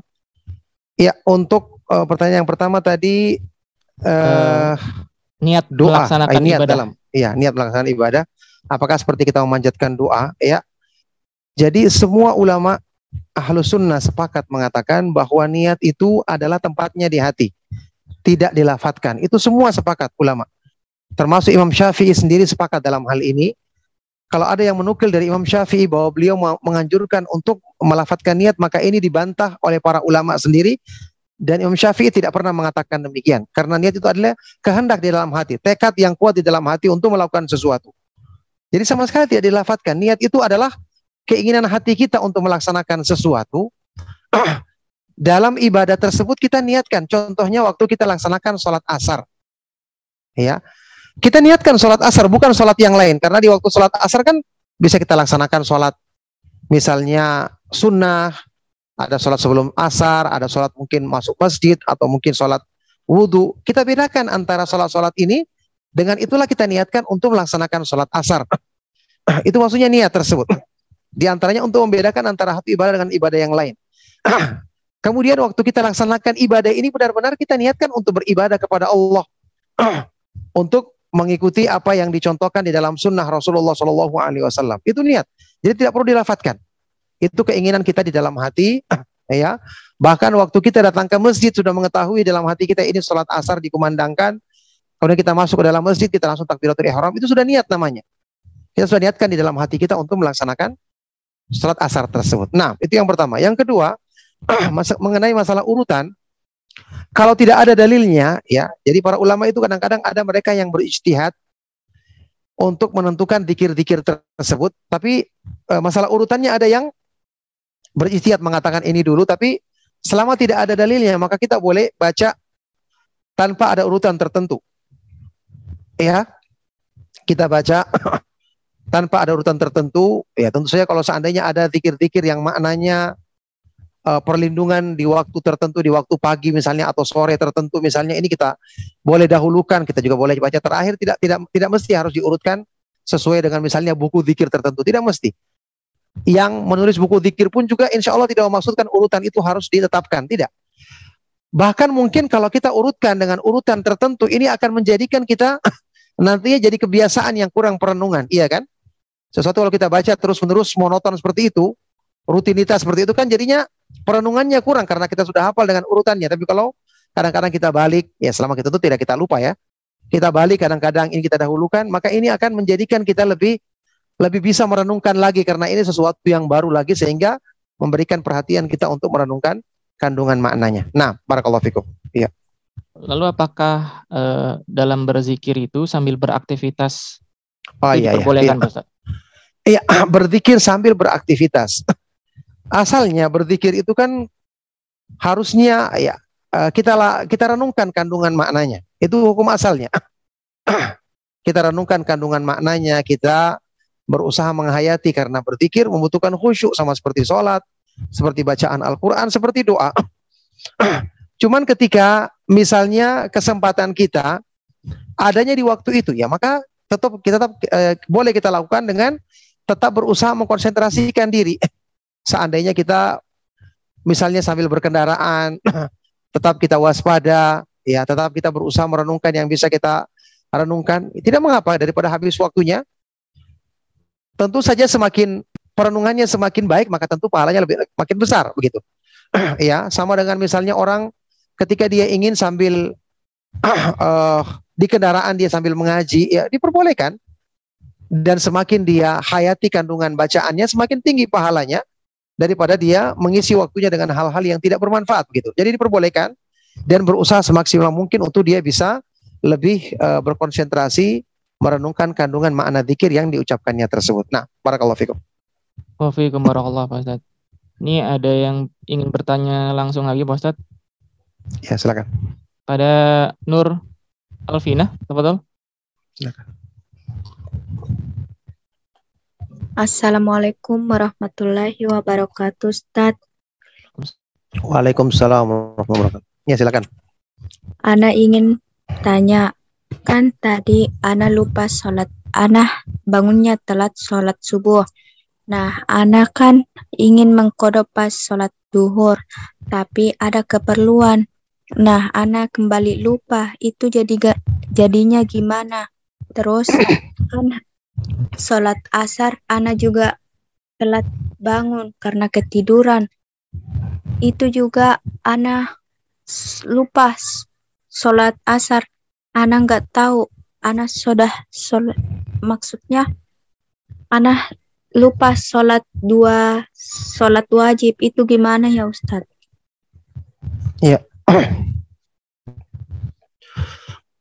Ya, barakallahu fiik. Pertanyaan yang sangat baik sekali. Semoga Allah Subhanahu wa taala melimpahkan taufiknya kepada beliau yang bertanya dan kepada kita semua.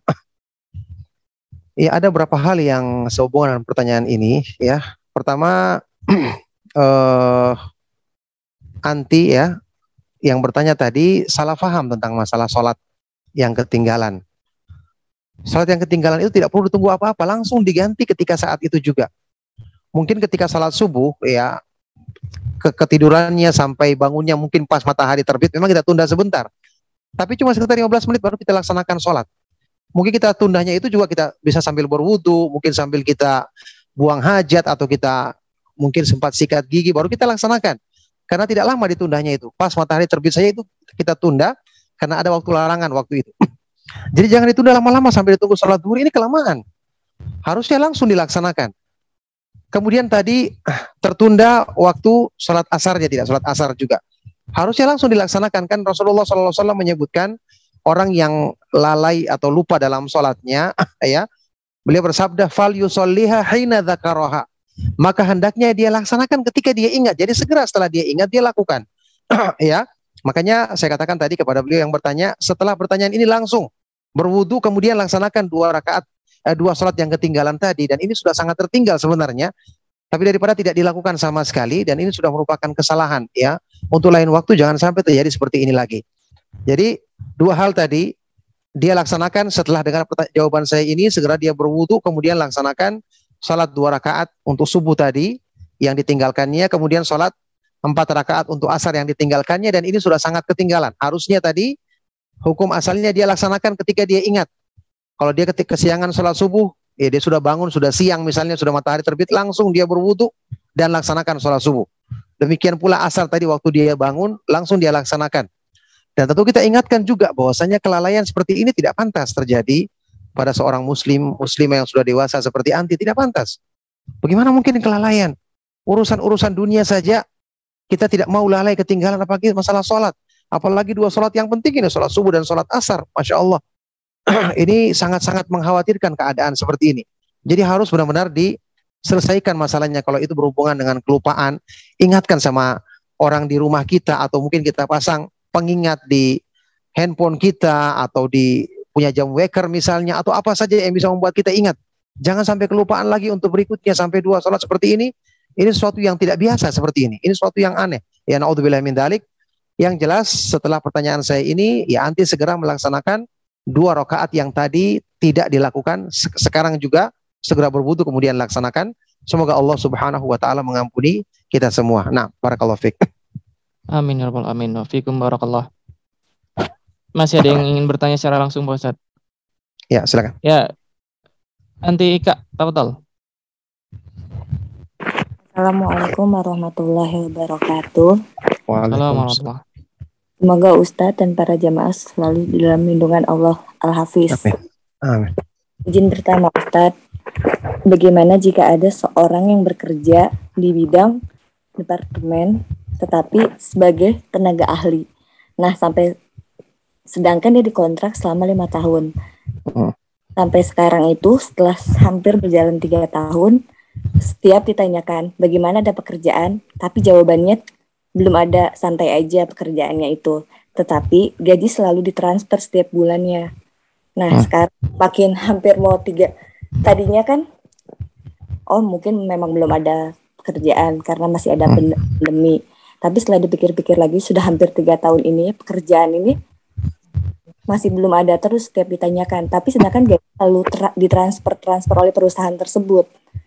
Itu bagaimana ya Ustadz hukumnya? Apakah harus dilanjut? Apakah itu gaji itu halal kami terima misalnya?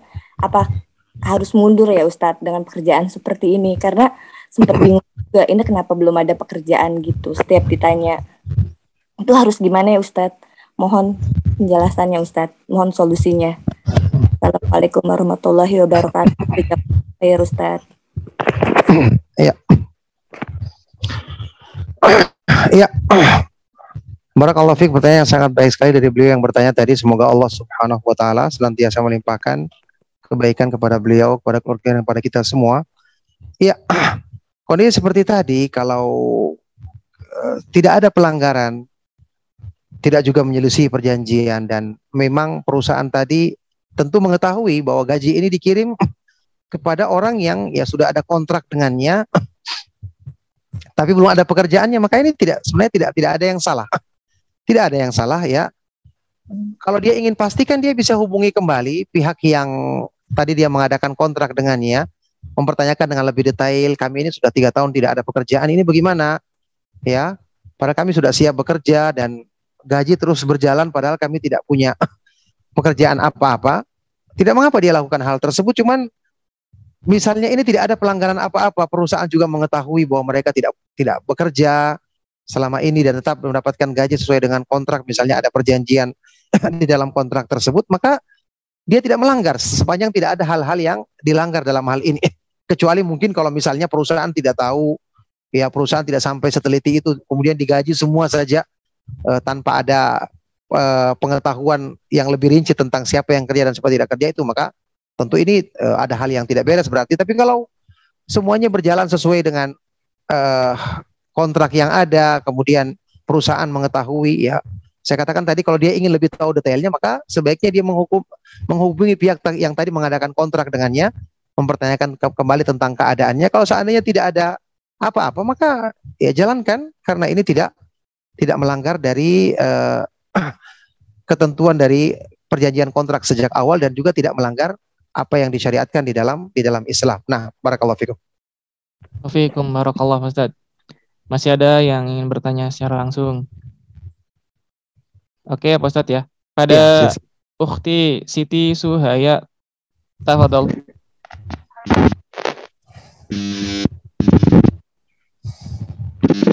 Ya. Silakan Ibu Siti. Eh, Afan suara mikrofonnya terganggu kayaknya. Tidak terdengar suaranya. Belum terdengar. Kecil sekali. Waalaikumsalam, tapi nggak terdengar ya.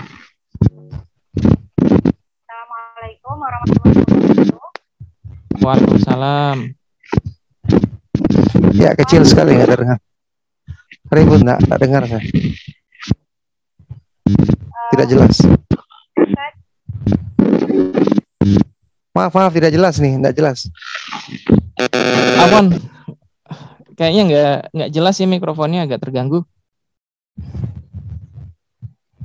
Ke ke Ibu Aida terlebih dahulu ya. Tafadhol. Assalamualaikum Ustaz. Waalaikumsalam warahmatullahi wabarakatuh. Eh, ini saya eh, mau apa ya? Eh, istilahnya tuh saya sekarang lagi eh, apa ya Ustadz? Saya mau bilang saya lagi berusaha untuk lebih mendekatkan diri kepada Allah gitu ya Ustadz. Karena Semoga Allah saya di di apa? Saya sekarang kondisi sudah pensiun. Eh, saya merasa dulu-dulu banyak sekali saya kurang ibadah, kurang kurang waktu banyak gitu. Sekarang saya mencoba ya Ustadz ya untuk lebih lebih eh, concern, lebih husuk husuk ke sana. Namun eh, pada kenyataannya itu saya sering belum istiqomah untuk eh, menjalankan eh, yang sunah-sunahnya Ustadz. Untuk eh, untuk membayar kekurangan-kekurangan saya selama ini. Itu jadi lebih banyak saya baru lebih banyak niat-niat niat tapi pada kenyataannya saya masih disibukkan dengan urusan rumah tangga apa pekerjaan rumah tangga gitu Ustaz. karena sekarang juga saya cuma berdua sama suami pembantu semua apa sudah sudah saya eh, apa eh, jadi saya betul-betul berdua dengan suami gitu jadi jadi kegiatan lebih mendekatnya itu sunah-sunahnya tuh masih belum belum isi koma Ustaz itu gimana ya Ustadz ya? Terus eh, apa sih tanda-tanda ciri-ciri kita taubatan kita tuh diterima? Apa memang kan Allah Maha Pengasih ya Ustadz ya? Saya merasa dulu terlalu banyak dosa, terlalu banyak salah dosa. Gitu. Saya sekarang betul-betul bertobat, betul-betul ya apa ya tobat ya Ustadz ya takut untuk merasa bersalah sekali dan takut nggak pengen lagi mengulangi hal-hal Iya, yang salah betul. menurut saya setelah saya banyak banyak ikut taklim banyak apa saya merasa banyak salah gitu. Nah itu apa tanda-tanda tobat saya kira-kira diterima Ustadz? Itu aja Ustadz. Hmm. Ya. Ya, barakallahu fiik. Pertanyaan sangat baik sekali dari beliau yang bertanya. Ibu Aida tadi ya. Semoga Allah Subhanahu wa taala senantiasa melimpahkan kebaikan kepada beliau, memudahkan untuk diterima ya pengakuan dari kesalahan dan tobatnya beliau dan juga kebaikan untuk kita semua. Iya, eh, cara untuk sungguh-sungguh dalam bertobat ya untuk eh, lebih banyak konsentrasi ibadah. Pertama tentu kita berdoa kepada Allah Subhanahu wa taala minta pertolongannya. Karena manusia itu penuh dengan kelemahan dan kekurangan, dia akan kuat ketika mendapatkan pertolongan dari Allah Subhanahu wa taala. Kemudian ketika tadi Ibu mengatakan eh, banyak ibadah-ibadah sunnah yang ditinggalkan, maka kalau Ibu melaksanakan urusan dan pekerjaan rumah tangga dengan baik, itu sudah merupakan amal kebaikan besar. Jadi dia itu jangan dianggap sesuatu yang sepele. Karena itu bagian merupakan diniatkan untuk taat kepada Allah, diniatkan untuk eh, berbakti kepada suami. Ini kan termasuk amal yang besar bagi seorang perempuan. Ya, amal yang termasuk amal yang paling utama bagi seorang perempuan setelah taat kepada Allah Subhanahu wa taala dan rasulnya. Maka tetap dia lakukan apa yang dia bisa kerjakan. Kalau ada hal-hal yang melalaikan dia tinggalkan. Kalau ada waktu untuk dia bisa berzikir, berzikir, kemudian mendengarkan pengajian, menghadiri pengajian, kemudian dia amalkan lagi. Maka selama dia tetap berusaha yang seperti ini dan apalagi tadi dia sudah menyesali dosa-dosanya yang lalu bertobat dengan sungguh-sungguh, masya Allah ini kalau dia sudah berubah dan tidak melakukan lagi hal-hal yang buruk di masa lalu, maka ini merupakan ciri-ciri kebaikan karena secara umum kata para ulama tanda-tanda amal baik yang diterima oleh Allah itu adalah at-taufik lil amali salih ba'dahu. Taufik dari Allah agar kita bisa mengerjakan amal soleh setelahnya. yakni kita terus-menerus dalam kebaikan. Ya. Kata Imam Ibnu Rajab Al-Hambali rahimahullah taala dalam kitab Lataiful Ma'arif, "Inna thawabal hasanati al-hasanatu ba'daha." Sesungguhnya balasan dari perbuatan baik adalah semangat berbuat baik setelahnya. Jadi kalau kita bertobat, diterima oleh Allah Subhanahu wa taala. Di antara ciri-cirinya insya Allah adalah kita semangat beramal. Kita yang tadinya melalaikan banyak pekerjaan rumah tangga mungkin perempuan maka kemudian dia semakin baik dalam melayani suaminya, mengurus urusan rumah tangganya. Kemudian dia juga tetap berusaha mengutamakan hal-hal yang menjadi kewajibannya dalam ibadah, tetap dia mengikuti pengajian, tetap juga dia mengakui kekurangan-kekurangan dirinya. Maka insya Allah hal-hal yang seperti ini sudah merupakan pertanda kebaikan, pertanda kebaikan besar yang eh, merupakan wujud dari balasan dari Allah Subhanahu wa taala setelah kita melakukan kebaikan maka Allah Subhanahu wa taala memudahkan kita melakukan kebaikan yang berikutnya. Nah, barakallahu fiik. Warahmatullahi wabarakatuh. Mudah-mudahan dipahami ya. Pada yang bertanya, masih ada yang ingin bertanya secara langsung nih Pak Ustadz. Ya, silakan. Ada Ibu Juwita. Tafadhol. Assalamualaikum warahmatullahi wabarakatuh. Waalaikumsalam. Uh, semoga Ustadz dan tim dilindungi oleh Allah Subhanahu Wa Taala. Uh, ini saya bertanya Ustadz mengenai sholat isya, mana yang lebih Oh. afdal di awal atau di akhir? Dan kapan akhir dari sholat isya tersebut? Karena saya sering uh, habis sholat su- uh, maghrib itu sering sekali sangat mengantuk sekali sehingga sering telat salat isyanya sampai lewat jam 12 apa itu masih bisa atau bagaimana Ustaz? Hanya itu aja. Terima kasih. Assalamualaikum warahmatullahi wabarakatuh. Waalaikumsalam warahmatullahi. Iya, barakallahu fikum. Eh, pertanyaan yang berbaik yang sangat baik saya dari beliau dari ibu yang bertanya tadi semoga Allah Subhanahu wa taala senantiasa melimpahkan kebaikan kepada beliau kepada kita semua. Iya, eh, ada beberapa hal yang sehubungan dengan pertanyaan tadi. Pertama, salat Isya mana yang lebih baik diawali diawalkan atau diakhirkan? Hukum asalnya pertama semua salat itu dianjurkan untuk dilakukan di awal. Itu hukum asalnya semua salat lima waktu kecuali dua salat. Ya, seperti diterangkan di dalam kitab Subul Salam Imam As-Sanani rahimahullah taala.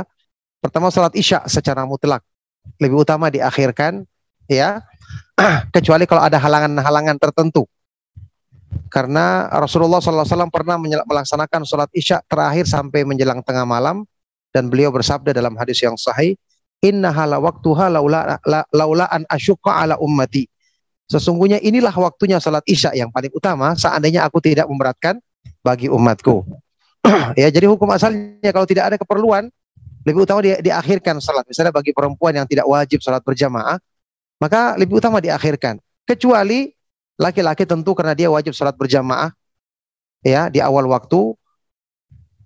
Kecuali kalau misalnya jamaah sepakat untuk mengakhirkan dan itu tidak mengurangi jumlah jamaah yang hadir, maka diperbolehkan bahkan diutamakan. Misalnya ada jemaah masjid yang bersepakat untuk kita laksanakan sholat isya taruhlah misalnya jam 9 malam, lebih utama daripada di awal.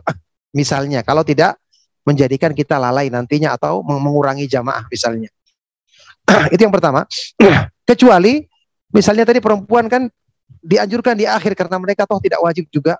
Kecuali kalau khawatir nanti ketiduran atau misalnya perempuan yang di waktu-waktu menjelang haidnya dia harus laksanakan di awal agar tidak luput nanti sholat tersebut karena keburu datang haidnya. Kalau di menjelang waktu-waktu haid dia harus laksanakan di awal supaya dia bisa segera eh, lepas dari kewajibannya tersebut. Nah, itu yang pertama. Yang kedua, waktu sholat isya itu ditegaskan di dalam hadis sahih riwayat Imam Muslim. Jadi sudah ada hadis eh, jawaban dari Rasulullah SAW. Beliau bersabda, waktu sholatil isya ila nisfil lailil awsat.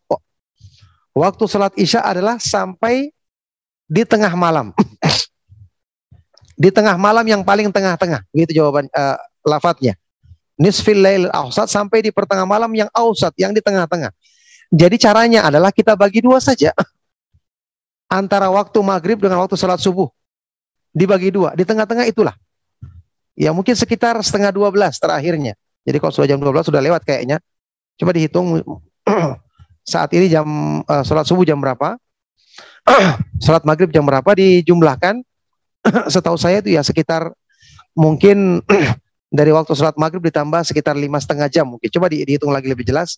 Itulah waktunya yang terakhir. jadi kalau sudah jam 12 lewat mungkin sudah lewat ya. nah, jadi itulah waktu yang paling utama. Cuman Tadi kondisi yang ditanyakan sama beliau tadi, ibu tadi, dia mengantuk eh, setelah sholat maghrib. Harusnya kalau mengantuknya ini sekali-sekali tidak mengapa.